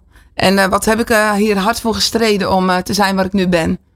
Ik heb wel echt, ja, maar ik heb mijn eigen pad gemaakt. Het dus lijkt... dat kost wat mankracht, hè? Het lijkt natuurlijk vaak vanaf de buitenkant, dat, dat, dat zeggen veel ondernemers, die erkennen dat, dat het lijkt dat succes altijd alsof het een beetje is komen aanwaaien. Hè? Dat het ja. een rechte lijn omhoog is. Ja. Terwijl ja, als nou. je uh, in de praktijk is wat weer barstiger, dan gaat het met hele grote pieken en hele diepe dalen. Ja. Wat, hoe, hoe heb jij dat ervaren? Ja, verschrikkelijke dalen en hele grote pieken. En dan uh, toch altijd maar weer uh, veel meer opstaan als dat je gevallen bent. Ja. En uh, volhouden. Het ondernemerschap is niet altijd 100% leuk, kun Zeker je wel stellen. Niet. Wat nee. waren voor jou dan de momenten waarop je dacht, oeh, gaat dit nog goed komen? Nou, um, ik heb bijvoorbeeld al eens een keer een heel leuk product bedacht. Want je wil natuurlijk douchen, gezellig, zonder bubbels geen feest. En dan hadden we champagne van gemaakt. Ja. Champagne douche. Nou, doe dat maar niet. nee? Krijg je ellende. Want? Die moesten allemaal geknipt worden. Champagne is heel streng, streng erop. En eigenlijk ook logisch. Maar ik heb er nooit over nagedacht. Je mocht de term champagne, mocht champagne niet, niet gebruiken. Nee, nee, nee. Ah. nee. Oh, dus, er kwamen, dus mensen doen dat nooit. Er kwamen juristen op je af. Ja, ja. Dan krijg je zo'n brief van de advocaat. En uh, ja, dat mag je gewoon niet gebruiken. De advocaat van champagne. Dat is, ja, dat, ja. dat is een mooie baan maar om dan, te hebben. Uh, Ja. Ik kan me ook voorstellen dat je dan denkt, nou, dan maar gooien we er een draai aan. Dan noemen we het shampoo, weet ik veel maar wat. goed. Sham, sham, shampoo, Ja, weet ik veel. Ja, maar ik bedoel, wel- dat gaat meteen toch, uh, Ja. dat is toch ook ondernemen? Een beetje, Maar ik had beetje zo'n... 5000 uh, van die tubetjes laten maken. Ja. En uh, het is nou echt niet zo dat uh, de, bij mij uh, de, de berg in de hemel reizen. Dus uh, 5000 is echt een flinke investering, Ja. uh, was dat. En uh, ja, die moeten dan uh, leeggeknepen worden. Uh, Wat super zonde. weggegooid. En uh, Maar je er mocht moet er een geen, schaar in. geen nieuwe labels op plakken Nee, nee, bijvoorbeeld? nee. Oké. nee. Dat ziet er niet uit. Dat gaan we Oh. niet doen. Dus uh, het is gewoon doorknippen, foto maken, afhandelen. Maar dat zijn wel momenten dat ik denk van, ach jongens. Waar hebben we het Waar hier hebben we het weer over? Wat heb je daarvan geleerd dan? Nou, ik check tegenwoordig alles. Ja? Ja, dus elke tekst die ik bedenk, die gaat naar onze huisjurist. En ik zeg, eh, Charlotte, we hebben weer wat. Ja. En uh, zij Mag gaat dan, dit? mag dit, ja. Ja, Ja, ik kan me voorstellen dat het ook ergens een beetje frustrerend voelt. ja. Als ondernemer waarvan je denkt, nou ik gooi gewoon een... Leuke komt hij tekst. weer, een leuke tekst op. Ja, toch? Vandaag neem ik een slipperdag, hebben we nu. Voor de, de teenslippers. Echt waar, ja. Uh, maar tip-top, uh, uh, mijn juffie Stop is, uh, zou uh, benaderen naar een, uh, een leverancier van slippen. Een slippenmerk. Ja. Dus dat moet je dan weer niet doen. Dus ik ben weer gered door onze jurist. Oh, nou, dus soms moet je een expert in huis nemen om je te behoeden. Voor... Dat is de ondernemerstip die Ja. we hieruit Met, dank aan Charlotte die eh, je redt, die je behoedt voor dit soort, Ja, eh, ja, dit ja, soort, eh, dit soort misstappen. Ja. Wat als je, ehm, eh, als je in, in van die momenten terechtkomt waarvan je denkt, oh, het is op dit moment wat minder leuk bij ons bedrijf. Wie sleep je daar doorheen? Mijn allerliefste, leukste man. Hmm. Die geef ik nu een ode. Hij hoort er helemaal niks van, want hij zit heel ver weg in Bonaire. Um, maar hij is echt al 33 jaar, gelooft hij in mij. Hij is echt de, de lucht onder mijn vleugels die me laat vliegen. Uh, nooit laat hij me, vindt hij iets stom of vindt hij iets gek. Hij steunt me altijd. Welke omstandigheden creëert hij dan om jou te laten vliegen? Hij gelooft in mij. Ja? Hij gelooft in Hoe, me. hoe, hoe, wat ervaar je dan? Hij is gewoon, uh, hij, hij zorgt gewoon voor me. En dat is echt uh, heel fijn. Uh, fijn in het gezin. Ik hoef me nergens druk over te maken. Maar hij is er ook op, op het bedrijf. Uh, als er eens een keer een spoedje is. Of er is iets in, ingewikkelds. Of uh, iets technisch. Hij is er gewoon altijd. Ja. Sowieso een bijzonder team wat jullie hebben lopen. Hè? Want twee van je zoons zitten ook Ja. in het bedrijf. Ja. Maar je hebt ook nog een... eh, nou, laten we daar eerst eens op, eh, op, Ja. op inzoomen. En daarna op de, eh, de, de leukerts die je hebt, hebt lopen als onmisbare schakel in jullie team. Ehm, eh, de twee zoons in het bedrijf, wat doen die? En hoe is het om met jou, met, jou ja, met de volgende generatie samen te werken? Ja, ja, heel leuk. Want ik heb ze elke dag om me heen. Dat vind ik helemaal leuk. Maar het zijn ook uitdagingen. Soms moet ik ook wel eens mijn andere jasje aantrekken. Zeg, eh, ik ben nu even geen mama. Ik ben nu eventjes de eigenaar van dit bedrijf. Ja. En, eh, dit wil ik gewoon echt zo niet hebben. Oké, oké. Maar wat doen zij? Eh, Aaron die is van de financiën. Die is daar langzaam aan ingekomen. Hij was uh, skileraar. Dat is natuurlijk helemaal leuk. Alleen in april eh is de sneeuw Ja, weg, hè? Dan zit je ja. met je skis. Ja, dan zit Ja. je met je skis. En met global warming eh, is het skiseizoen ook wordt korter ja. en korter en korter. Ja. En toen kwam die eh, bij mij en ik zeg, nou, dan ga je maar helpen met orders eh, pakken, want dat, ik heb altijd handen tekort. Maar ik was niet zo goed in de administratie. Of ik betaalde dubbel, of ik betaalde te veel of te weinig. En ik liet altijd alles liggen. En, nou, het Ja, was gewoon, de valkuil van de creatief is dat. Ja, dat eh, was het dus niet. Dus ik gaf hem de random reader. Ik gaf hem de facturen. En een eh, maand later zei onze boekhouder... Zo, dat ziet er eh, netjes uit. Het is goed gedaan. Dus vanaf die, dat moment is hij zeg maar helemaal in zijn rol gegroeid. En nu is hij echt mijn rechterhand betreft financiën, planning, strategie. Mhm. Eh, ja, dan kijken we daar gewoon samen naar. Dus eh skileraar is die niet meer. Dat snap je wel. Ja. En, en, en, en, en, En de onze andere zoon? jongste, onze jongste zoon, eh, die, eh, die heeft logistiek gedaan. Die heeft een logistieke opleiding gedaan. Ehm eerst gewerkt bij het fulfillmentbedrijf waar we nu ook eh, mee werken. En eh, het moment kwam daar dat ik iemand logistiek nodig had. En eh, sinds die dag eh, zit hij bij ons. En ehm, ja, hij helpt ons echt met de voorraad beheren. Ehm, nou, wat moet waarheen? Ja. Ja, helemaal super. En je gaf ja? vroegen net inderdaad in de pauze eventjes eh, hoe- hoeveel producten er zijn en hoeveel er Ja. werden verkocht. En je zei, ja, ik, soms heb ik, eh, ik heb eigenlijk dat overzicht helemaal niet voor mezelf. Nee, nou, ik heb wel het overzicht in die zin. Er zijn ongeveer 150 verschillende producten. Ehm, ja, en hoeveel stuks dan dat er per se ingekocht worden of waar wat staat. Ja, daar ben ik heel blij dat daar eh, iemand logistiek naar kijkt. Want eh, het is best wel een uitdaging. Je gaf net al meerdere keren aan, dankjewel voor die bruggetjes, het fulfillmentbedrijf. Ja. Ehm, dan eh, verplaats ik me even in de persoon die nu zit te luisteren of te kijken. Het fulfillmentbedrijf. Kun je even man en paard noemen? Ja. Wat betekent dat? Ja, de- die ontzorgt ons eh, geheel eh, in de ordeverwerking. Want ik ben geen logistiek bedrijf. We zijn een creatief bedrijf en wij willen leuke dingen maken. Dus dat is ook weer een tip voor een ondernemer. Ga zelf allemaal niet lopen klooien. En hoe heette zij? Monta. Ja. Monta van Edwin van der Ham. Is echt eh, bij ons eh, eh, in de achtertuin bij wijze van. Ik, ik hou heel erg van de poldermentaliteit. Wij komen zelf uit Giesenburg. Hij woont in Molenaars Graaf. Ja, en zo met elkaar optrekken.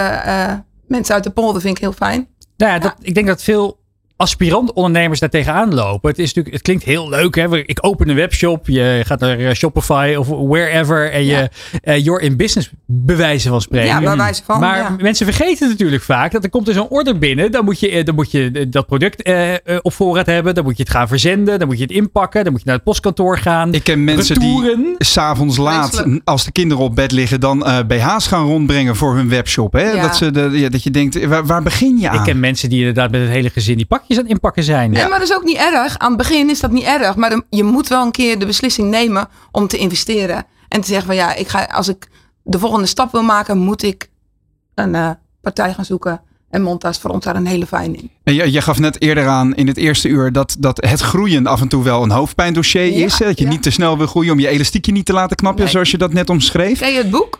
Oei, ik groei. Eh, nou ja, ik heb het in de de praktijk gebracht, maar eh, nee, ja, dat inderdaad. Eh, maar wat, wat voor lessen haal je daaruit dan? Ja, bij, het oei, ik groei gevoel wat ik veel al heb is dat je dan even terugzakt van oh, maar ik weet het allemaal niet meer en Mhm. hoe moet ik dat dan doen? En op het moment dat je daar dan weer overheen bent, ja, dan zie je weer nieuwe mogelijkheden, nieuwe kansen en dan ziet de wereld weer een stuk beter uit. Maar je hebt gewoon af en toe even diepjes nodig om weer de volgende stap te maken. Nou ja, over de dipjes, maar ook eh, over hoe jij die groei toch weet in te zetten. En die naamsbekendheid weet te groeien. Daarover spreken we straks. Maar eerst gaan we naar het thema bedrijfsverkopen. De Ondernemer De Ondernemer live. op Nieuw Business Radio. Een bedrijf kopen of verkopen is aan zich al spannend genoeg. Maar wees waakzaam, want je kunt flink de mist ingaan als je niet weet waar je mee bezig bent. Experts in bedrijfovernames, Frits uh, Beunke en Joost Koopmans. Ja, die schreven daarom het boek Praktijkboek Bedrijfsovername. Ik heb het uh, hier in mijn hand. Uh, de verkoop van een MKB-onderneming. En ze zijn hier bij De Ondernemer Live te gast. Welkom heren. Dank. Dank. Leuk uh, dat jullie er zijn. Het schrijven van het boek is vaak een hele bevalling. Hoe lang zijn jullie ermee bezig geweest? Anderhalf jaar? Ja, twee wel hè. Kleine, ja, twee, jaar. kleine twee jaar. Anderhalf à twee jaar. Af en aan. Ik neem aan dat jullie niet samen... Maar niet fulltime. nee, precies, precies. Wat was de ja. reden dat jullie dachten, oké, okay, hier moet een boek over komen? Nou, het is zo dat er zijn heel veel boeken over aspecten van bedrijfsovernames. Maar er is eigenlijk geen enkel boek wat het hele proces en alle elementen die relevant zijn van begin tot eind uh, beschrijft. En dat is eigenlijk ons doel vanaf het begin om het complete proces te beschrijven. Ja, want jullie zitten beide al jarenlang in de markt, onder meer voor bedrijfsovernames.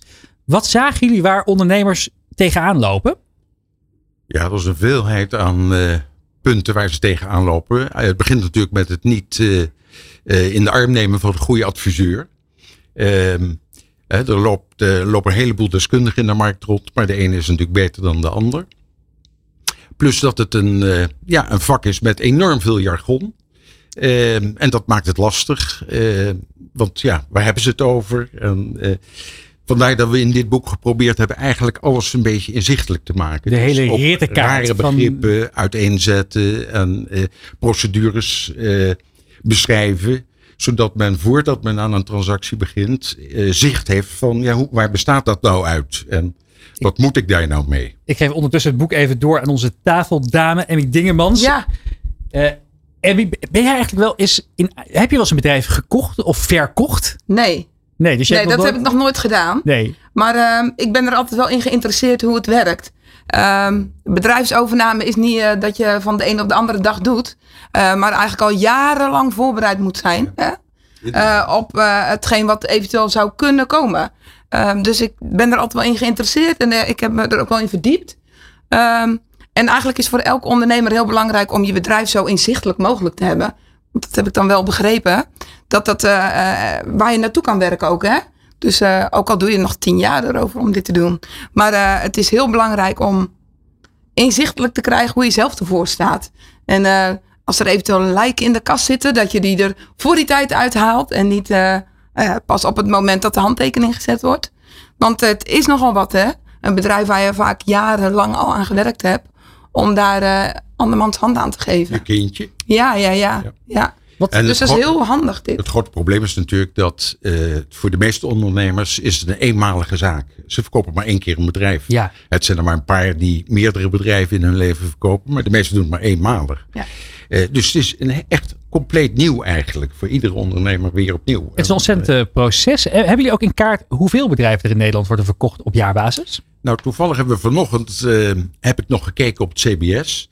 En wij dachten dat uh, de stijging die er vanaf 2010 van ongeveer 4500 overname-transacties in één jaar naar 2021 waren dat er een kleine 7500 dat het in 2022 wat afgevlakt was. Dat was een gevoel wat we hadden, hè, Joost, in de markt. En we zien vanochtend dat het vierde kwartaal enorm gestegen is. En dat men op een, een, drie, een, een 8300 overnametransacties is uitgekomen. Ja, dus uh, ondanks, dus ondanks het tegen, ja. we zijn er eigenlijk een beetje verbaasd over. Aan de andere kant, um, we weten dat de komende tien jaar de laatste babyboomers hun bedrijf gaan verkopen. De mensen willen met pensioen. Dus ja, er moet natuurlijk nog het nodige gebeuren. Ja, hoe, wat zijn, uh, we hoorden net al eventjes uh, uh, de mooie tips van jou, Emmy, dat je als je een bedrijf wil verkopen, dat je goed inzichtelijk moet maken wat, ja, hoe je ervoor staat, wat, wat, wat, wat je allemaal in huis hebt en wat vooral ook niet. Wat zijn nou veel voorkomende ja, uitdagingen waar ondernemers tegenaan lopen als ze in een verkoopproces gaan? Heb je, kan je misschien één of twee noemen die je, die je veel tegenkomt? Ik denk dat wat het meest voorkomt is dat, uh, inhangend op wat Emmy ook zegt, dat men niet voorbereid is. Uh, dus vaak is het zo dat men wordt benaderd door een grote klant, door een buitenlandse leverancier, Ja. door een concurrent. Je wordt verrast eigenlijk door het... Je, je wordt verrast door de vraag, is je bedrijf te koop? Je bent geneigd er, er, erop in te gaan, Ja. maar je bent niet verkoopklaar. in, inhangend op, op, op wat jij ook net zei, eigenlijk heb je wel een paar jaar nodig om je goed voor te bereiden op een goede bedrijfsoverdracht. Om het bedrijf wat los te maken van jou als on- on- ondernemer. Dus alle verwevenheden met jouw privé eruit. Maar ook dat het tweede echelon, het ma- management onder jou, klaar is om het bedrijf te managen als jij zou wegstappen na, na verkoop. Ja. Eigenlijk liefst wil je dat soort stappen eh, in een paar jaar voorbereiden. Dus eigenlijk al ben je er nog niet, helemaal niet mee bezig, is het toch al goed om dit soort in ieder geval kennis tot je te nemen. om de, de kennis tot je te nemen en de, de- over na te denken welke stap je zou moeten doen om je daarop voor te bereiden. Zodat je niet wordt overvallen door de vraag, eh, wil je je bedrijf verkopen en eh, ik wil graag snel naar, naar, naar een transactie. Maar er kunnen dus dan nog heel veel lijken uit de kast eh, eh, komen voordat de handtekening zit. Want, want jij zegt niet eh, dat die lijken pas tevoorschijn komen als je de handtekening zet. Nee, vaak wordt de handtekening niet eens gezet als er enorme lijken zijn. Heb je misschien een voorbeeld waarvan het een keer is misgegaan? En wat, wat gebeurt er dan? Zonder misschien hè, direct de, de namen eh, Ja. te noemen. Wat er gebeurt is simpel. Er gaat de transactie niet door in het slechtste geval. En dat wil je natuurlijk voorkomen. Ja. Tegelijkertijd, eh, jullie zeggen het bedrijf verkopen doe je één keer, soms meerdere keren. Een bedrijf kopen daarentegen, dat is natuurlijk wel een enorm mooie strategie voor ondernemers om eh, te groeien. Je kan natuurlijk organisch groeien, maar je kan ook groeien door eh, concurrenten of mogelijke eh, spelers die jou kunnen aanvullen op te kopen. Is dat een heel ander speelveld dan je bedrijf verkopen en hoe verhoudt het zich tot elkaar? Ehm, ja, dan heb je vaak een ander soort, ja, wat ik zeg, corporate, een wat groter bedrijf die, die meerdere stappen achter elkaar neemt. Eh, maar wat je ook in, de- in de markt tegenwoordig heel veel hebt, is investeringsmaatschappijen. Het aantal investeringsmaatschappijen wat in Nederland actief is, is al meer dan 500. Eh, dus er wordt, wordt door investeringsmaatschappijen heel veel bedrijven bij elkaar gekocht in een zogenaamde buy-and-build strategie. Een beetje het, het soort van jargon wat, eh, waar Frits net, net al op doelde. Ja, Dus- zeker. Dus, dus je koopt een bedrijf en je bouwt erop door door meerdere bedrijven daaraan eh, toe te voegen. Dat is iets wat met name door investeringsmaatschappijen heel veel gebeurt. Eh, maar ook, eh, zoals ik net zei, er zijn er best veel grote corporates die ook of naar een bepaald buitenland willen of een bepaald product aan het portefeuille willen toevoegen. En dat doen door meerdere bedrijven samen te voegen. En zou dat ook iets kunnen zijn voor 100% leuk? Dat je op een gegeven moment gaat kijken van, nou, zouden we eens onze ja, bedrijf kunnen, kunnen uitbreiden door nieuwe spelers aan ons te binden? Eh, voor, voor nu niet per se, maar ik kan me zo voorstellen als je eh, samen op kan trekken dat er wel mooie dingen kunnen ontstaan. Ehm, ik hoorde zo'n investeringsmaatschappij, buy and build. Ja, eh, voor een ondernemer is dat natuurlijk wel een beetje spannend, want gaat het dan over het, het, de beeld? Hè? Gaat het dan echt alleen over het groeien? Of waar blijft dan de ziel van je, van je onderneming? Hè? Want uiteindelijk zijn we daardoor groot geworden. Dus ik zie het wel eens een beetje zo om me heen en denk, ja, zo'n investering. Ik weet niet of dat dat nou wel. Maar het kan misschien ook heel goed uitpakken. Maar eh, vind het wel een spannend iets. dus voor nu, eh, voor, mij niet, nee. Nee, we hebben de afgelopen jaren natuurlijk gezien dat heel veel bedrijven heel veel geld ophaalden. Onder meer om nieuwe partijen te kunnen overnemen, om hard te kunnen groeien, om volledig in marketing te zetten. En met de turbulentie op de markt hebben we ook gezien dat meer en meer ondernemers toch van dat, ja, nog een, nog een jargonterm erin gooien, dat bootstrapping, het helemaal zelf organisch die groei in kunnen zetten, dat dat toch weer een soort van opkomst heeft ge- gekregen. Erkennen jullie dat ook in de markt als jullie praten met ondernemers? Ja, er is heel veel geld in de markt. Met name nogmaals in investeringsmaatschappijen die heel graag eh, geld willen investeren. Mede doordat de rente zo lang zo laag is geweest, zoeken grote investeerders, dus de pensioenfondsen en, eh, en, en levensverzekeraars, die zoeken alternatieve middelen om geld te kunnen verdienen. Dat geven ze aan investeringsmaatschappijen die in bedrijven in- investeren. Die heel graag willen investeren. Mede daardoor zijn ook prijzen wat, wat omhoog gegaan. Maar er is gewoon heel, geld, heel veel geld beschikbaar voor ondernemers om bedrijven samen te rijgen eh, met, met geld van anderen. Als je als ondernemer nou denkt aan een eh, bedrijf eh, kopen specifiek, wat zijn, hebben jullie een aantal stappen die je zou moeten nemen om te kijken of, jij, of, of, of een bedrijf interessant is voor je om over te nemen? Interessant is om te verkopen of om, om, om te kopen? Om te kopen in Om dit kopen. geval. Ja, kijk, ik denk dat elk bedrijf uit, uit moet gaan van zijn eigen strategie. Hè. Wat past bij mij? Wat past bij mijn eh, productportefeuille? Wat past bij mijn internationale of groeistrategie? Eh, en eh, dan een bedrijf wat daarbij goed past zoeken, actief met een adviseur of, of, of, of zelf. Vaak kent men zijn eigen branche heel goed. Dus, dus zijn eigen concurrenten of leveranciers of, of, of, of klanten. En dat, dat is toch meestal de kant waar men uitkijkt om, als men zegt van ik wil mijn eh, eh, grootte eh, vergroten. Ja. ja helemaal, helemaal juist wat je zegt. Eh, dat geldt beide kanten op. Men kent de eigen branche verdraaid goed. Hè, dus eh, ook een, een verkoper weet eigenlijk al bij voorbaat van nou, dat zijn kandidaten, daar kan ik, hem, kan ik mijn bedrijf misschien aan verkopen. Is het in dat opzicht ook makkelijker om een bedrijf te kopen dan om te verkopen? Oh, dat durf ik niet te zeggen zo. Eh, nee, dat denk ik niet. Ik denk dat het makkelijk is om een bedrijf te verkopen omdat er veel gegadigden zijn. En eh, als je eh, een bedrijf zou willen kopen, op het moment dat een bedrijf of een eigenaar weet dat een bepaald bedrijf in de markt is, dan komen er meerdere geïnteresseerden op af. Dus de kans om een verkoop te realiseren is denk ik, zeker als je bedrijf een beetje appetijtelijk is, best groot. De kans om de koper te worden als er een breder verkoopproces is, die is, Is eigenlijk ingewikkelder. Ik, heb ook al, ik, eh, ik spreek veel met investeringsmaatschappijen en die zeggen ook vaak inderdaad, eh, als ze een bedrijf willen verkopen, van eh, één bod is geen bod. Je moet eigenlijk altijd meerdere biedingen hebben van verschillende partijen. Om goed te weten, nou, enerzijds wat je waard bent, maar ook om een goede deal te kunnen krijgen. Dat is de mooie situatie. Dat is de meest gunstige situatie. Maar dat lukt niet altijd. hè. Ja, de praktijk is weer barstiger. En ik denk dat Joost, die zit bij BDO als partner, dus die heeft daar veel meer ervaring mee. Eh, omdat die natuurlijk een enorm eh, potentieel hebben als, eh, als relatie, als relatienetwerk. Eh, maar eh, ja, ik onderschrijf het wel. Ja, zou je, eh, dit gebeurt dus veel. Wat, wat zou je moeten doen als je maar één bod op tafel hebt? Ja, kijk, eh, um, elk bedrijf kun je waarderen. Dus je kunt er ook theoretisch naar kijken. Wat zou het bedrijf theoretisch waard zijn? Daar kun je het bod natuurlijk aan reflecteren van is het goed of, of, een, of, een, of een slecht bod. Ja, het hangt natuurlijk ook een beetje van jouw eigenaarsstrategie af. Hè? Wil je graag stoppen? Wil je graag je bedrijf? Ja, wellicht accepteer je dan enige korting ten opzichte van wat de theoretische waarde is. Eh, en eh, ja, een, een, een koper hoeft ook niet te weten dat hij de enige koper is. Hè. Meestal eh, kun je ook met een koper onderhandelen onder de illusie dat er nog tien omheen hangen. ja, precies. Dat is natuurlijk ook een beetje de rol van de adviseur. Hoe creëer je een competitief speelveld? Eh, dus dus eh, ja, eh, nogmaals, wat wil de eigenaar er minimaal voor hebben? Eh, en hoe kun je als adviseur het, het, het, eh, potentiële kopersveld optimaal bewerken? Ja. En een belangrijke daarbij is de emotie. Hè? Op een gegeven moment dan eh, heeft een verkoper heeft een voorkeur voor een koper. Eh, om, om allerlei redenen. En eh, dan gaan er een heleboel andere zaken vallen weg. Of kunnen wegvallen. Niet altijd even verstandig, maar het gebeurt wel. Is dat iets wat ook in jullie boek beschreven staat? Dat je die emotie vooral niet moet vergeten. Dat is natuurlijk een, een- ja, het is enerzijds heel beschrijven dat we feitelijk. de emotie eigenlijk zo min mogelijk behandelen. Omdat dat zo divers is. En dat, dat is heel lastig. Ja, ik kan me voorstellen.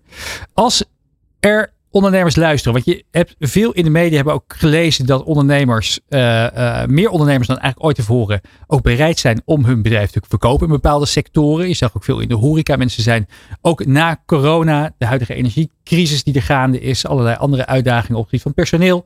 Sommige ondernemers zijn ook gewoon een beetje moe. Die zijn een beetje klaar ermee. Die hebben niet zoveel zin om er nog mee door te gaan. Die willen hun bedrijf verkopen. Enerzijds zeiden jullie dat het verstandig is om een aantal jaar er weer uit te trekken. Maar ja, niet iedereen heeft die luxe of heeft daar nog trek in. Dus wat nou als je op dit moment denkt van nou, ik wil eigenlijk wel graag mijn bedrijf verkopen. Ik heb nog niet die jaren eraan voorafgaand uh, met erin verdiept. Waar zou je dan moeten beginnen?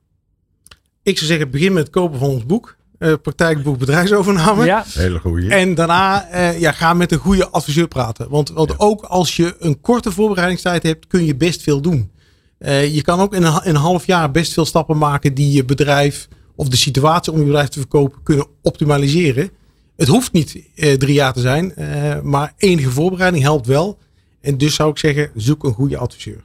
Nou, met die uh, woorden uh, gaan, wij, uh, gaan wij moedig voorwaarts. Dank voor jullie komst, Frits Beunke en Joost Koopmans, auteurs van het pra praktijkboek Bedrijfsovernames. Dank jullie wel. Dank. Dank. Dit programma opent samen met MKB Brandstof de oplossingen naar duurzaam onderweg. Het is vandaag natuurlijk de dag van de liefde. Maar op de stoep voor de deur staat een felgroene Jeep Wrangler Rubicon. Die wij kunnen kennen van de sociale media kanalen van Roland Tameling. Maar hij is eigenlijk is wel die, ja, een beetje liefdeloos behandeld, Roland. Hij is ongelooflijk ja, vuil. Wat heb je gedaan? Ja, ja ik, ik heb hem bewust even niet schoongemaakt, Remy. Uh, deze Jeep Wrangler Rubicon heb ik het afgelopen weekje meegehad op wintersport. En inderdaad, ik denk dit is een mooi exemplaar om uh, eens even te laten zien aan de ondernemers van Nederland hoe je liefde kunt geven aan je wagenpark. Want dat is wat we vandaag gaan doen.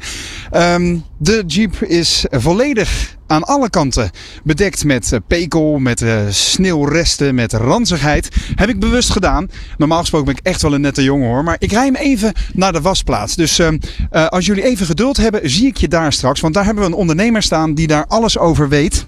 Geef ik even de zenderset aan collega Ron die bij mij in de auto zit. En dan starten wij de Jeep Wrangler Rubicon. Wat een fantastische auto is. Ik heb deze auto een jaartje. Ik voel me een gezegend mens. En ehm, inderdaad, hier op het Media, Mediapark kan je als een bezetene van de stoep afrijden. Zonder dat die auto ook maar een krimp geeft. Rijk even om het groene bordertje heen. Keurig gordeltje vast. Dag kijkers, dag luisteraars. En dan zetten wij hem even hier in de schaduw. Want daar staat voor ons klaar Tim Struis van carclean.com. Ik zet hem even nog achterwaarts goed, zodat hij mooi voor het shot staat. Even de auto rangeren. Want Tim is ehm, de eigenaar van carclean.com, de grootste webshop van Nederland op het gebied van autoverzorgingsmiddelen. Ik zet de auto weer uit en ik stap zelf ook uit. Dankjewel Ron voor deze super goede assistentie. Kijk, de auto staat er klaar voor. En Tim staat er ook klaar voor. Met zijn muts op, want het is wat frisser. Dag Tim, goed om je te zien.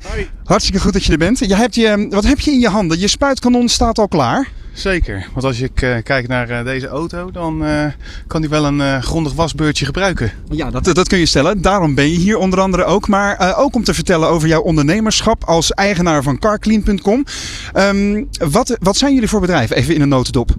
Wij zijn een, een shop waar je al je uh, carcare producten kunt kopen. Waar je goed advies kunt krijgen. En waar je uh, alle producten die je nodig hebt voor machinaal polijsten ook kunt aanschaffen. Oké, okay, en wat is jouw gevoel als ik hier zo met mijn, uh, met mijn nogal ranzige Jeep voor je neus staat? Doet dat pijn in jouw ondernemers en jouw autoliefhebbershart? Dat uh, doet wel een beetje pijn, ja. Maar daar gaan we zo meteen een oplossing voor vinden, toch? Nou, je hebt niet voor niets al je spullen meegenomen. Dus wat mij betreft, uh, ja, zet hem maar eventjes uh, in, in de, in het schuim, zou ik maar zeggen. Want je hebt een, een kerger meegenomen, een, een hoge drukreiniger. En in je handen heb je een, een, een, spuit, uh, een spuitlans, zo gezegd, met een, een klein um, ja, containertje eronder. Wat zit erin? Daarin zit uh, snowfoam. En daarmee kunnen we hem helemaal inschuimen. En wat doet dat nou? Dat zorgt ervoor dat die vervuiling die je op die auto ziet zitten, weer veilig losgeweekt wordt. Zou je dat niet doen en zou je nu gaan, gaan wassen met, met een washandschoen, dan gaat dat, uh, nou ja, zand, modder en al die rotzooi gaat over je lak heen. Ja. En dat geeft krassen. En als we dat nu eerst uh, los uh, weken met die foam, dan kun je dat veel veiliger weghalen. Nou, sneeuwfoam is natuurlijk na een weekje wintersport precies waar wij blij van worden. Dus uh, uh, leef je uit met je, met je sneeuwkanon, zo gezegd. Kijk, hij uh, zet nu inderdaad de Jeep Wrangler helemaal in het schuim, terwijl de kerger op de achtergrond druk bezig is. De auto wordt van felgroen langzaam maar zeker helemaal wit. Het schuim gaat over de ruiten, over de voorkant van de auto. En dit doet dus wonderen voor het losweken van het vel, als ik dit moet geloven. Ik laat hem langzaam maar zeker even zijn, zijn ding doen. Mocht je dit willen terugzien, het ziet er nogal spectaculair uit. Want dit is inderdaad een, een nou, heel groot effect, zou ik maar zeggen. De auto is helemaal onder het witte schuim inmiddels. Prachtig, Tim. Is het nu een kwestie van even laten weken? Het maakt een beetje herrie, dus ik heb je vraag even gemist. ik dacht al. Um, als je uh, draai je even met je rug naar de auto, alsjeblieft. Dan kunnen we even naar de kijker uh, weer, uh, weer wat oogcontact maken. Want we laten hem nu inderdaad even, even inweken. laten we eens even, even inzoomen in, in jouw bedrijf carclean.com. Want het is dus grotendeels een webshop. Hè? Je hebt ook een, een fysiek pand in, in Berkel. Um, hoeveel verpakkingen doen jullie zeg maar per week? Want we hadden net een andere webshop op het gebied van biologische tuin- en kamerplanten. En die deden duizenden eenheden per week. Uh, hoe, hoe, hoe is jullie markt? Nou, als je kijkt, dan heb je in eerste instantie heb je de verdeling tussen online verkopen en winkelverkopen. Um, online verkopen wij ongeveer 85% van, uh, van de producten. En 15% gaat via onze shop. Ja. En dan zijn we wel heel seizoensgevoelig. Want met dit weer heeft niet iedereen, nou, dit weer misschien wel. Maar met heel koud weer of regenachtig weer of donker weer heeft niet iedereen zin om uh, te wassen en te poetsen. Dat begint in de lente. Als die vogeltjes gaan fluiten, dan uh, krijgt iedereen er weer zin in. De dagen worden langer, het wordt warmer enzovoort. Maar gemiddeld gezien, als je kijkt wat wij eh, per week doen, dan is dat nou ehm, tussen de eh, 2500 en 3000 bestellingen, bijvoorbeeld in de zomer. En in de winter is dat wel minder. Ja. Wie zijn dan jullie voornaamste klanten? Ik kan me voorstellen dat dat grotendeels particulieren zijn, of niet? Ja, het grootste deel is, uh, is particulier. En dan de enthousiasteling, die, is, die uh, blij wordt van zijn auto. Die een beetje verliefd is op zijn auto. Hè? Leuk vandaag op Valentijnsdag. Ja. Dus dat is uh, een passend, passend haakje. Heel goed. Um, ja, en wij verkopen ook producten zeg maar, in het hogere segment. En dat wil niet zeggen dat het duurder is, helemaal niet. Maar het werkt wel beter. En als producten beter werken, is het ook leuker om ermee aan de slag te gaan. Mm -hmm. En dat is een beetje onze, onze insteek. Dus die mensen die echt blij worden van, van hun auto en er graag uh, in rondrijden, maar wel schoon. Ja. Dus wij noemen dat de clean riders. Die komen bij ons terecht.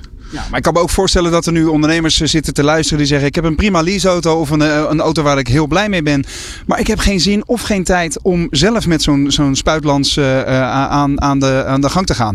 Nou kan ik me voorstellen dat jij zegt: Ja, maar het is wel beter voor je auto. Maar waarom zouden die mensen ook bij jouw klant moeten worden? Even plat gezegd. Nou, je hoeft het natuurlijk helemaal niet zo uitgebreid te doen om goed je auto te kunnen wassen. Mm -hmm. Het mag wel, maar het hoeft niet. Kijk, als je aan die kant kijkt, dan zie je daar drie emmers staan. Nou, en die drie emmers die zorgen er helemaal niet voor dat het ingewikkeld of uh, langer duurt. Laten we er even naartoe lopen. Maar wel dat je dus beter je, je, je auto kunt wassen. Welke, wat staat hierop? Even voor de, de kijker. Ik zie een één emmer met wheels, één met rinse en één met wash. Nou, de, de, de woorden spreken voor zich. Maar waarom heb je er drie nodig? Nou, je hebt er eentje nodig voor je velgen. En waarom heb je die nodig voor je velgen? Omdat je velgen het meest vuil worden van de hele auto. Daarnaast, de remstof is scherp en dat wil je apart houden. Dus daar wil je een aparte emmer met sop en water voor maken. En dan hebben we hier twee emmers. En de ene emmer vul je met warm water en shampoo. En de andere emmer alleen maar met water. En wat is nou het idee daarachter? Dat noemen we het twee-emmer systeem om te wassen. Voordat jij weer nieuwe shampoo gaat halen om je auto verder te wassen, spoel je die washandschoen eerst uit in die spoelemmer. Mm -hmm. Zo zorg je ervoor dat je dus met schoon water op je auto aan de gang gaat. En dat is eigenlijk uh, een hele snelle, effectieve methode. Zonder dat er heel veel uh, tijd en uh, energie in gaat zitten. Ook nog wel een extraatje wat interessant is op, bij deze emmers. Dat wist ik ook niet. Er zit een klein rekje onderin, de emmer. Die dus voorkomt dat. Of ja, ja, Tim haalt hem er even uit, inderdaad. Een klein rekje in de emmer waar eigenlijk het vel dus onder dwarrelt. Zodat het niet opnieuw in je water komt. Dat is even plat gezegd de, het effect, toch? Dat klopt. Je bent goed op de hoogte. ja. Dus het is een, een, een gridguard of een velrooster. En wat, uh, wat doet het nou? Het zorgt ervoor dat, uh, dat zand inderdaad naar beneden zakt. En die schroepen die je hier ziet, zorgen ervoor dat het ook daar blijft. Dus als jij lekker gaat roeren met je washandschoen, ja. blijft dat water onderin stilstaan. En komt die vervuiling dus niet meer omhoog. En zo werk je dus langer met schoon water. Opnieuw een innovatie waar je misschien helemaal niet bij stil hebt gestaan. Maar inmiddels is mijn, mijn Jeep lekker aan het, aan het ontvuilen.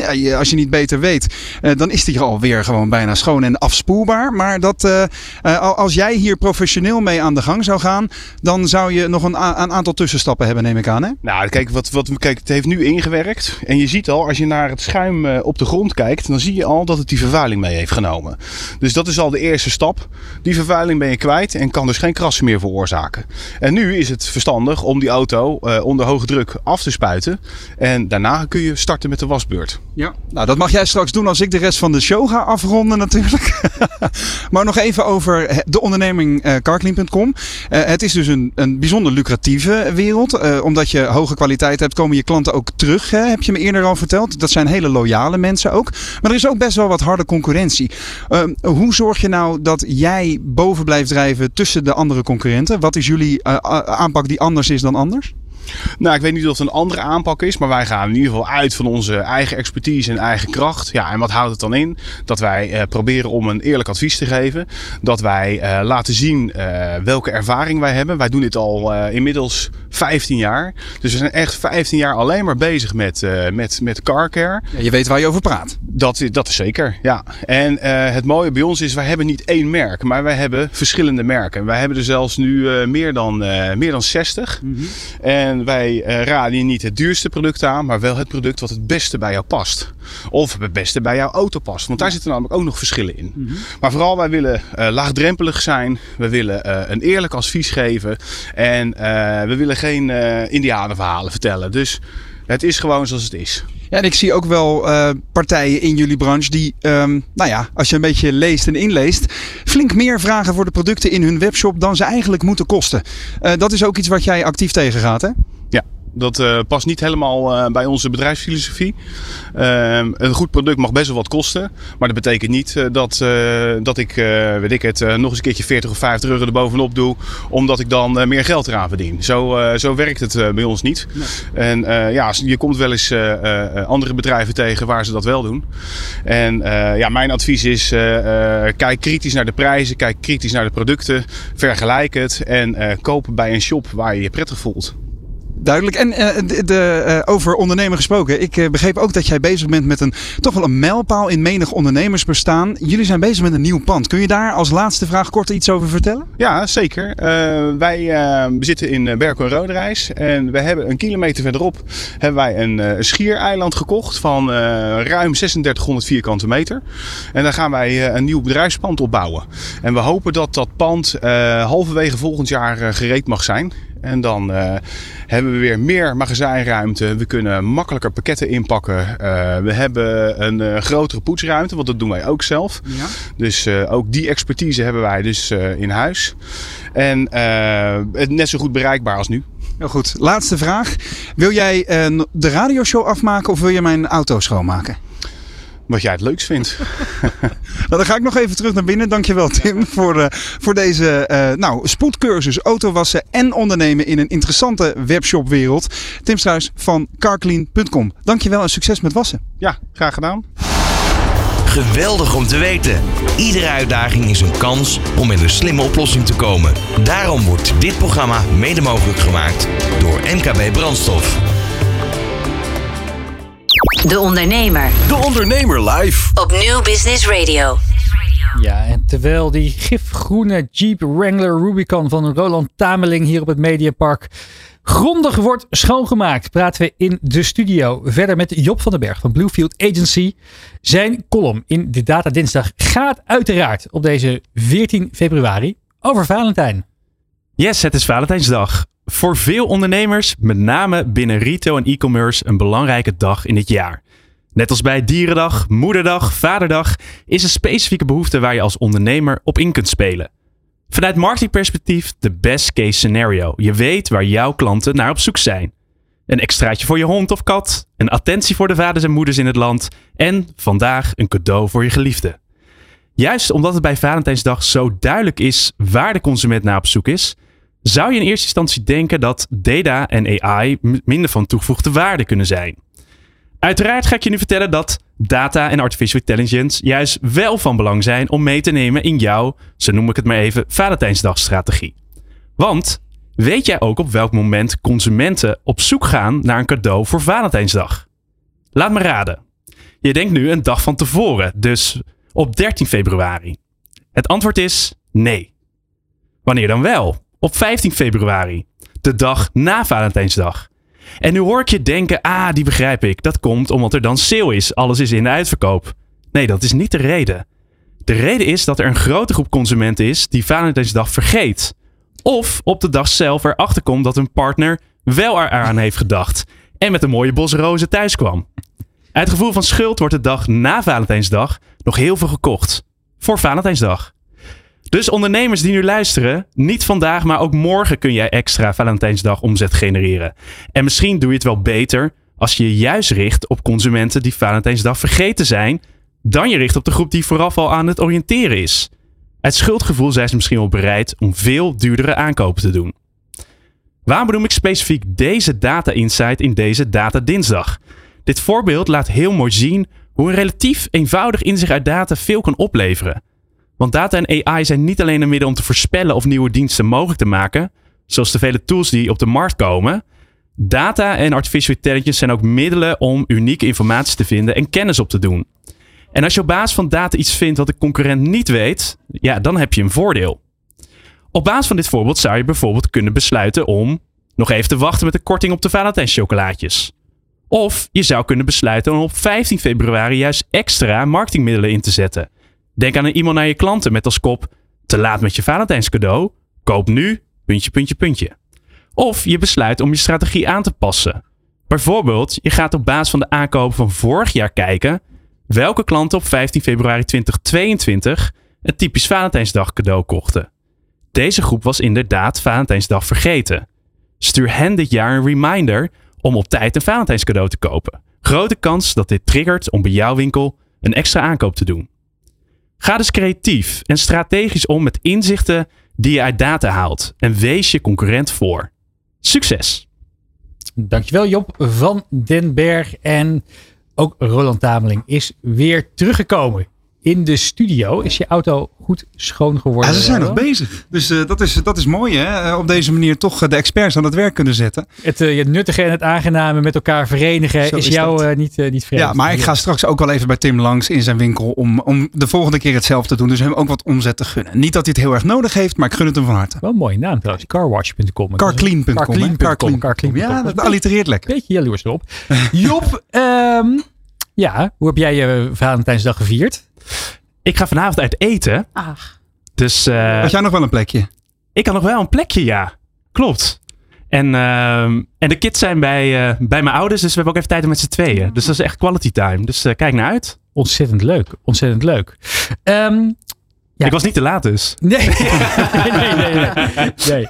Emmy, eh, je, hebt, ja, eh, je hebt natuurlijk allemaal tips, eh, tips gehoord hier eh, van Job. Voor mij heb je ook zelfs eventjes een van jouw zoons eh, erop geattendeerd. Hè? Wat, Ja, wat Job klopt. zojuist heeft voortgedragen. Ik zeg, dat is toch een fantastisch iets. We gaan vandaag nog eens even een mooie post maken. Van geef helemaal niks als je Valentijn vergeten bent. Want morgen mag je ook aandacht geven aan, aan je geliefde. Dus vandaag komt hij erin. In de nieuwsbrief. In, in, de, in de post, ja. In, in, de, social stories, media. ja. In de social media. Ja, maar dat is nog wel een leuk vraag. Hoe bereiken jullie nu je klanten? Wat, wat, wat zijn de kanalen die jullie daarvoor inzetten? Ja, Insta is eh, eigenlijk bij far wel eh, het meest Ja? bekeken. Ja. Instagram, grote, eh, grote Ja. schare volgers. Ja, ja, doet het wel het best. En het is natuurlijk ook heel leuk om ja, heel actueel te blijven hè, met eh, de stories en eh, de oproep naar eh, leuke nieuwtjes van ons. Heb, je nog, eh, heb je nog fascinerende inhakers gezien, Job? Van valent- bedrijven die eh, briljante Valentijnsacties eh, eh, hebben verkondigd? Ik heb niet veel creatief gezien. Ik zag een beetje de usual suspects. En ook wel inspelend op vandaag kun je het nog kopen. Dus ik zag bijvoorbeeld eentje voorbij komen. Eigenlijk meerdere die dachten slim te zijn van... hey, als je nu bestelt, dat was gisteren. Voor mij was het van een bepaald cosmetica merk. Dan heb je morgen het gegarandeerd in huis. Eh, die zie ik heel vaak langskomen. Heel gevaarlijk vind ik dat altijd. Ja, want oh, weet je, het is een beetje overpromise eigenlijk. Hè? En misschien een kan deliver. Dat, je hebt daar geen Letterlijk een deliver. Nee. Nee. Want op jullie site staat ook voor eh 12 uur besteld, vandaag verzonden. Verzonden, ja. Ja, Ah, ja, dat is de, de nuance die ja, ja, is. ja.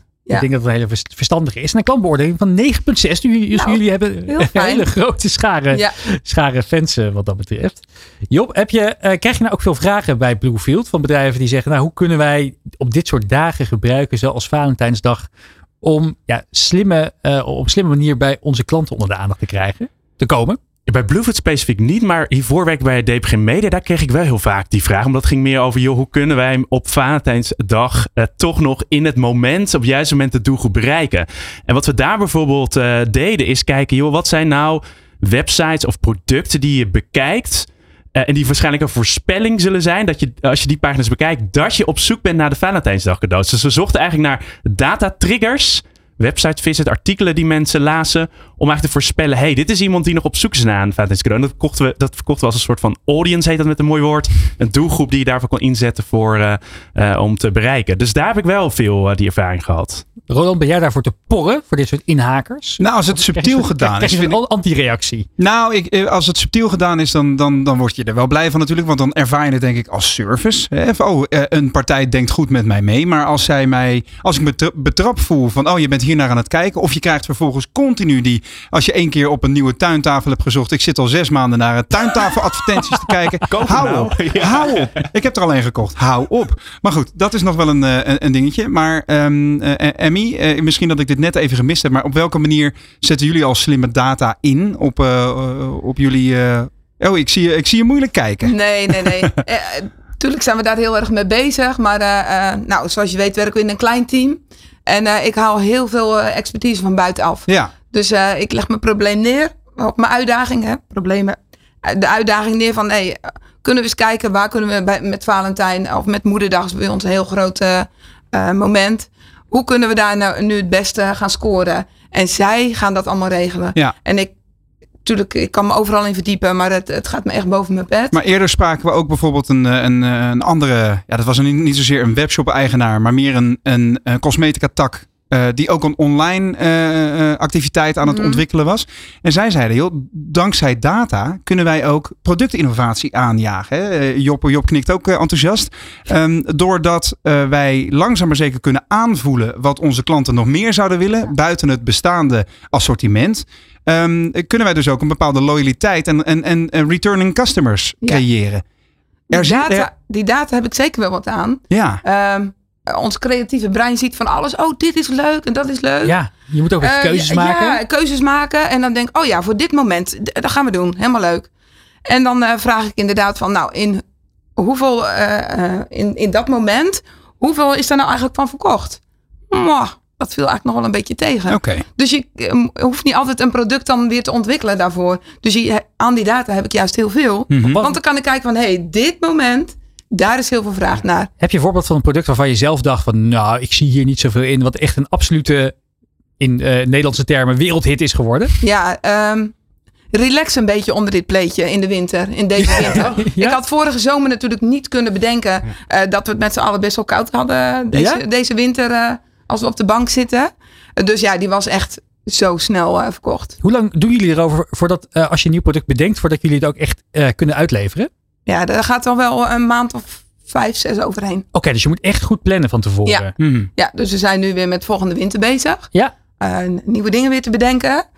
En eh, nou, dat is dan ongeveer september, oktober komt dat dan weer in de winkel. En, en hoe, hoe, hoe doe je dat? Ga je dan echt een winterdag maken? Want ik, als ik naar mezelf in elk geval kijk, eh, ik, ik, ik moet op zo'n zo, dag als vandaag in één keer denken, oh ja, eh, het is Valentijnsdag. Dus Oh ja, ik vind het lastig om over een uur te bedenken wat ik ook alweer moet gaan doen. Ja. Dus hoe, hoe zorg je ervoor dat je zelf altijd in de juiste ja, mindset, een beetje vervelend woord, zit dat je, eh, dat je bezig bent inderdaad met die producten van, van over, over, overmorgen? Ja, nou, als je nou een beetje probeert eh, dat echt precies over een jaar te doen.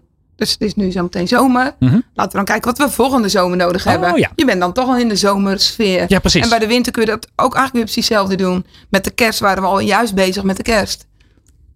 En ook voor je shoots en eh, al die dingen. Dus dat is wel fijn als dat eigenlijk gewoon precies een jaar eerder is. Ik ben ook nog even benieuwd naar de manier waarop jullie de klantenfeedback verwerken in het vernieuwen van je producten en van je bedrijf. Eh, die zijn natuurlijk essentieel. Hè? Die, die klanttevredenheid is, eh, is, is belangrijk. Ja. Hoe vertaal je dat naar de toekomst van het bedrijf?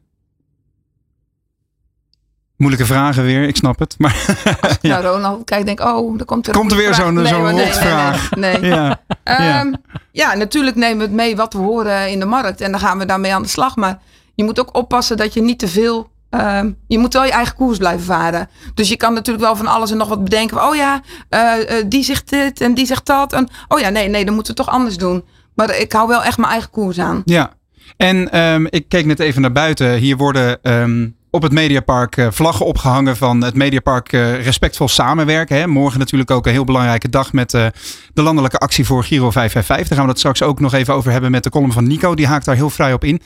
Ehm, die heeft natuurlijk meegeluisterd ook tijdens de... Spoiler. Ja, maar dat, dit, is, dit, dit, dit verdient al even wat, wat aandacht. Waar ik naartoe wil is de vraag over maatschappelijk verantwoord ondernemen. Je gaf eerder al aan, eh, jullie gebruiken eh, mensen met een afstand tot de arbeidsmarkt, met een verstandelijke beperking Ja. in, in jullie hele productieproces. Ehm, dat, dat is al heel, heel fraai en heel waardevol. Eh, liggen daar nog meer kansen? Hoe zou je nog meer met 100% leuk kunnen terugdoen voor de maatschappij?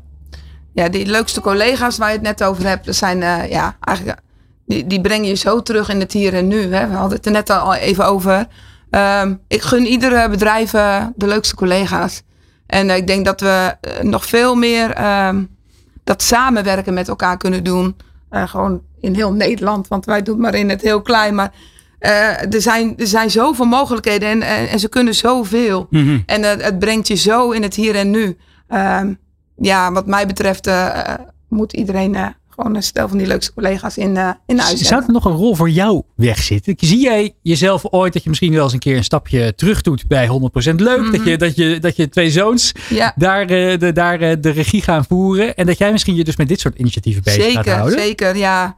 Want ook die aandacht voor elkaar zit, zit ook in de, in, de, in de mens die het uh, uh, lastig vindt om in, in die vluchtige wereld waarin we leven. Um, en ik denk dat het alleen maar meer wordt. Dat er meer zulke mensen komen die afhaken bij uh, het, het, drukke en, en, het chaotische leven. Um, maar, maar, er is zoveel mogelijk. Ja. Dus zeker.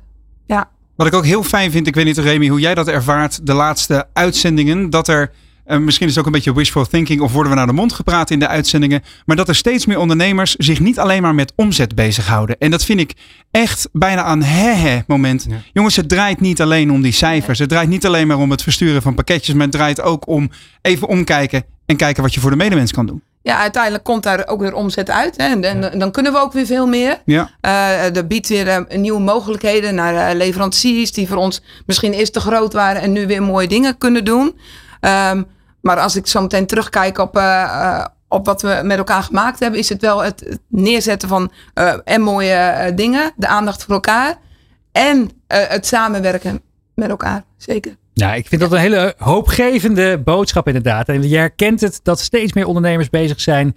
Niet alleen maar met uh, de euro's, maar ook uh, wat, wat hun activiteiten en energie ja. uiteindelijk voor de wereld en voor elkaar kunnen betekenen.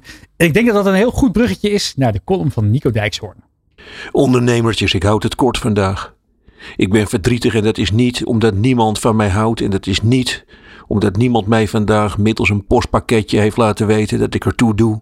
Nee, ik ben verdrietig omdat meer dan 40.000 mensen onder het puin liggen of lagen en dat alle overlevenden, hun familieleden of geliefden zich nu afvragen: heb ik hem of haar tijdens het leven toen zij of hij nog bewoog en geluid maakte, wel vaak genoeg laten merken dat ik van hem houd. En dat ik alleen naast hem of haar rust voelde. En heb ik mijn zus, broer, neef, vader of geliefde, voordat ze onder het puin verdwenen, me wel goed genoeg gezegd. Dat ik zo graag naar ze keek, al zij niet wisten dat ik naar hun keek. Had ik mijn vader, toen hij nog leefde, niet moeten vertellen dat ik hem een keer bijna anderhalf uur stiekem heb bekeken toen hij vlak voor de deur van het huis een tafeltje in de bijt zette. Heel zorgvuldig, met een kwastje en met het puntje van zijn tong tussen zijn lippen. Daarom raad ik alle luisteraars aan om vandaag nu eens niet je liefdadigheid te laten regelen door een ander. Stuur geen douchegel verpakt in een mooi doosje naar je geliefde, maar pak vanavond de telefoon of stap op je fiets of rijd het roteind naar Leeuwarden in je auto, waar je broeders gaan wonen. En bel aan en omhels hem, nu het nog kan, en spreek tegen hem. Geef hem het mooiste cadeau denkbaar. Geen postbode met een pakketje voor de deur, maar jij, levend van vlees en bloed, warm en niet koud, en vertel hem ongevraagd waarom je zoveel van hem houdt en waarom je hem zo mist en waarom je vroeger altijd zo'n lastige zus of een broer was. Doe vandaag op Valentijnsdag precies wat je eigenlijk niet hoort te doen. Stuur geen anoniem bericht, stuur geen anoniem cadeau, maar laat luid en duidelijk weten waarom je zoveel om iemand geeft. En gewoon door vlak voor hem te gaan staan en het dan te zeggen. Raak hem of haar aan, nu het nog kan. Laat dit een Valentijnsdag zijn, waarin we, terwijl we onderweg zijn naar de vrouw die helemaal niet weet dat jij al jaren van haar houdt, vooral denk aan alle achterblijvers in Turkije en Syrië. En dat is wat ik u wil zeggen, ondernemertjes. Verzin vandaag nou juist wel zelf iets. Bel op of bel aan en mompel, brabbel, schreeuw, fluister of zing, oog in oog met iemand die u nooit wilt missen, waarom hij of zij uw leven de moeite waard maakt. U zult er geen spijt van krijgen. Zeg wat te lang niet is gezegd, voordat het te laat is. Nou, mooie zalvende woorden. Nico Dijkshoorn. Emmy, ja, het zit er eigenlijk alweer bijna op. Ja. Hoe heb je het ervaren? Twee uur hier bij ons in de nou, studio. Ik dacht echt twee uur, hè? Maar Hoe gaan uh, we dit doorkomen? Het is echt uh, heel erg gezellig. En, uh, Ondanks leuk. die vervelende vragen. Ja, ja, ja. ja, en als er ondernemers zijn Nee, die echt wat meer mooi. willen weten over die, over die leukste collega's van je, die Zeker. leukste leukerts. Kunnen ze een keer bij je langskomen? Ja, de koffie staat klaar. En je wordt verwelkomd uh, door mijn leukste collega's. En uh, dan ga ik je heel graag een rondleiding geven. Nou, dus uh, uh, komen jullie? Ja, ik vind het een mooi plan. We komen, we komen liefde een keertje Nou, uh, op de koffie. De jeep is schoon, dus we kunnen. Ja, ja, ja. We kunnen veilig naar Giesenburg. Job, jij bedankt voor het komen en je nieuwe data dinsdag. Daan, wederom bedankt voor het eh, schuiven achter de knoppen. En Remy, jij... bedankt voor deze soepele leiding van dit programma, jongen. Het uh, is me wederom genoegen geweest. Uh, jij bedankt voor het kijken en luisteren naar De Ondernemer Live. Volgende week dinsdag zijn we er weer van 11 tot en met 1. Ja, kan je nou geen genoeg krijgen van De Ondernemer? Kijk dan ook op de website. Daar lees je onder meer hoe een vleesrestaurant na vijf jaar volledig veganistisch is geworden. Of in ieder geval vegetarisch. Vlees kan echt niet meer, schrijven ze. Dus ga dat bekijken op deondernemer.nl. Deze aflevering kan je terugluisteren en kijken op YouTube of je favoriete podcastplatformen. Dit programma werd mede mogelijk gemaakt door Nederland Wijnen, MKB Brandstof en Bluefield Agency. Het was De Ondernemer Live. Mijn naam is Remy Gieling. Ik ben Roland Tameling. Heel graag tot volgende week. Van arbeidsmarkt tot groeikansen. Van bedrijfscultuur tot innovatie. De Ondernemer. Live. Elke dinsdag van 11 tot 1. Live op Nieuw Business Radio.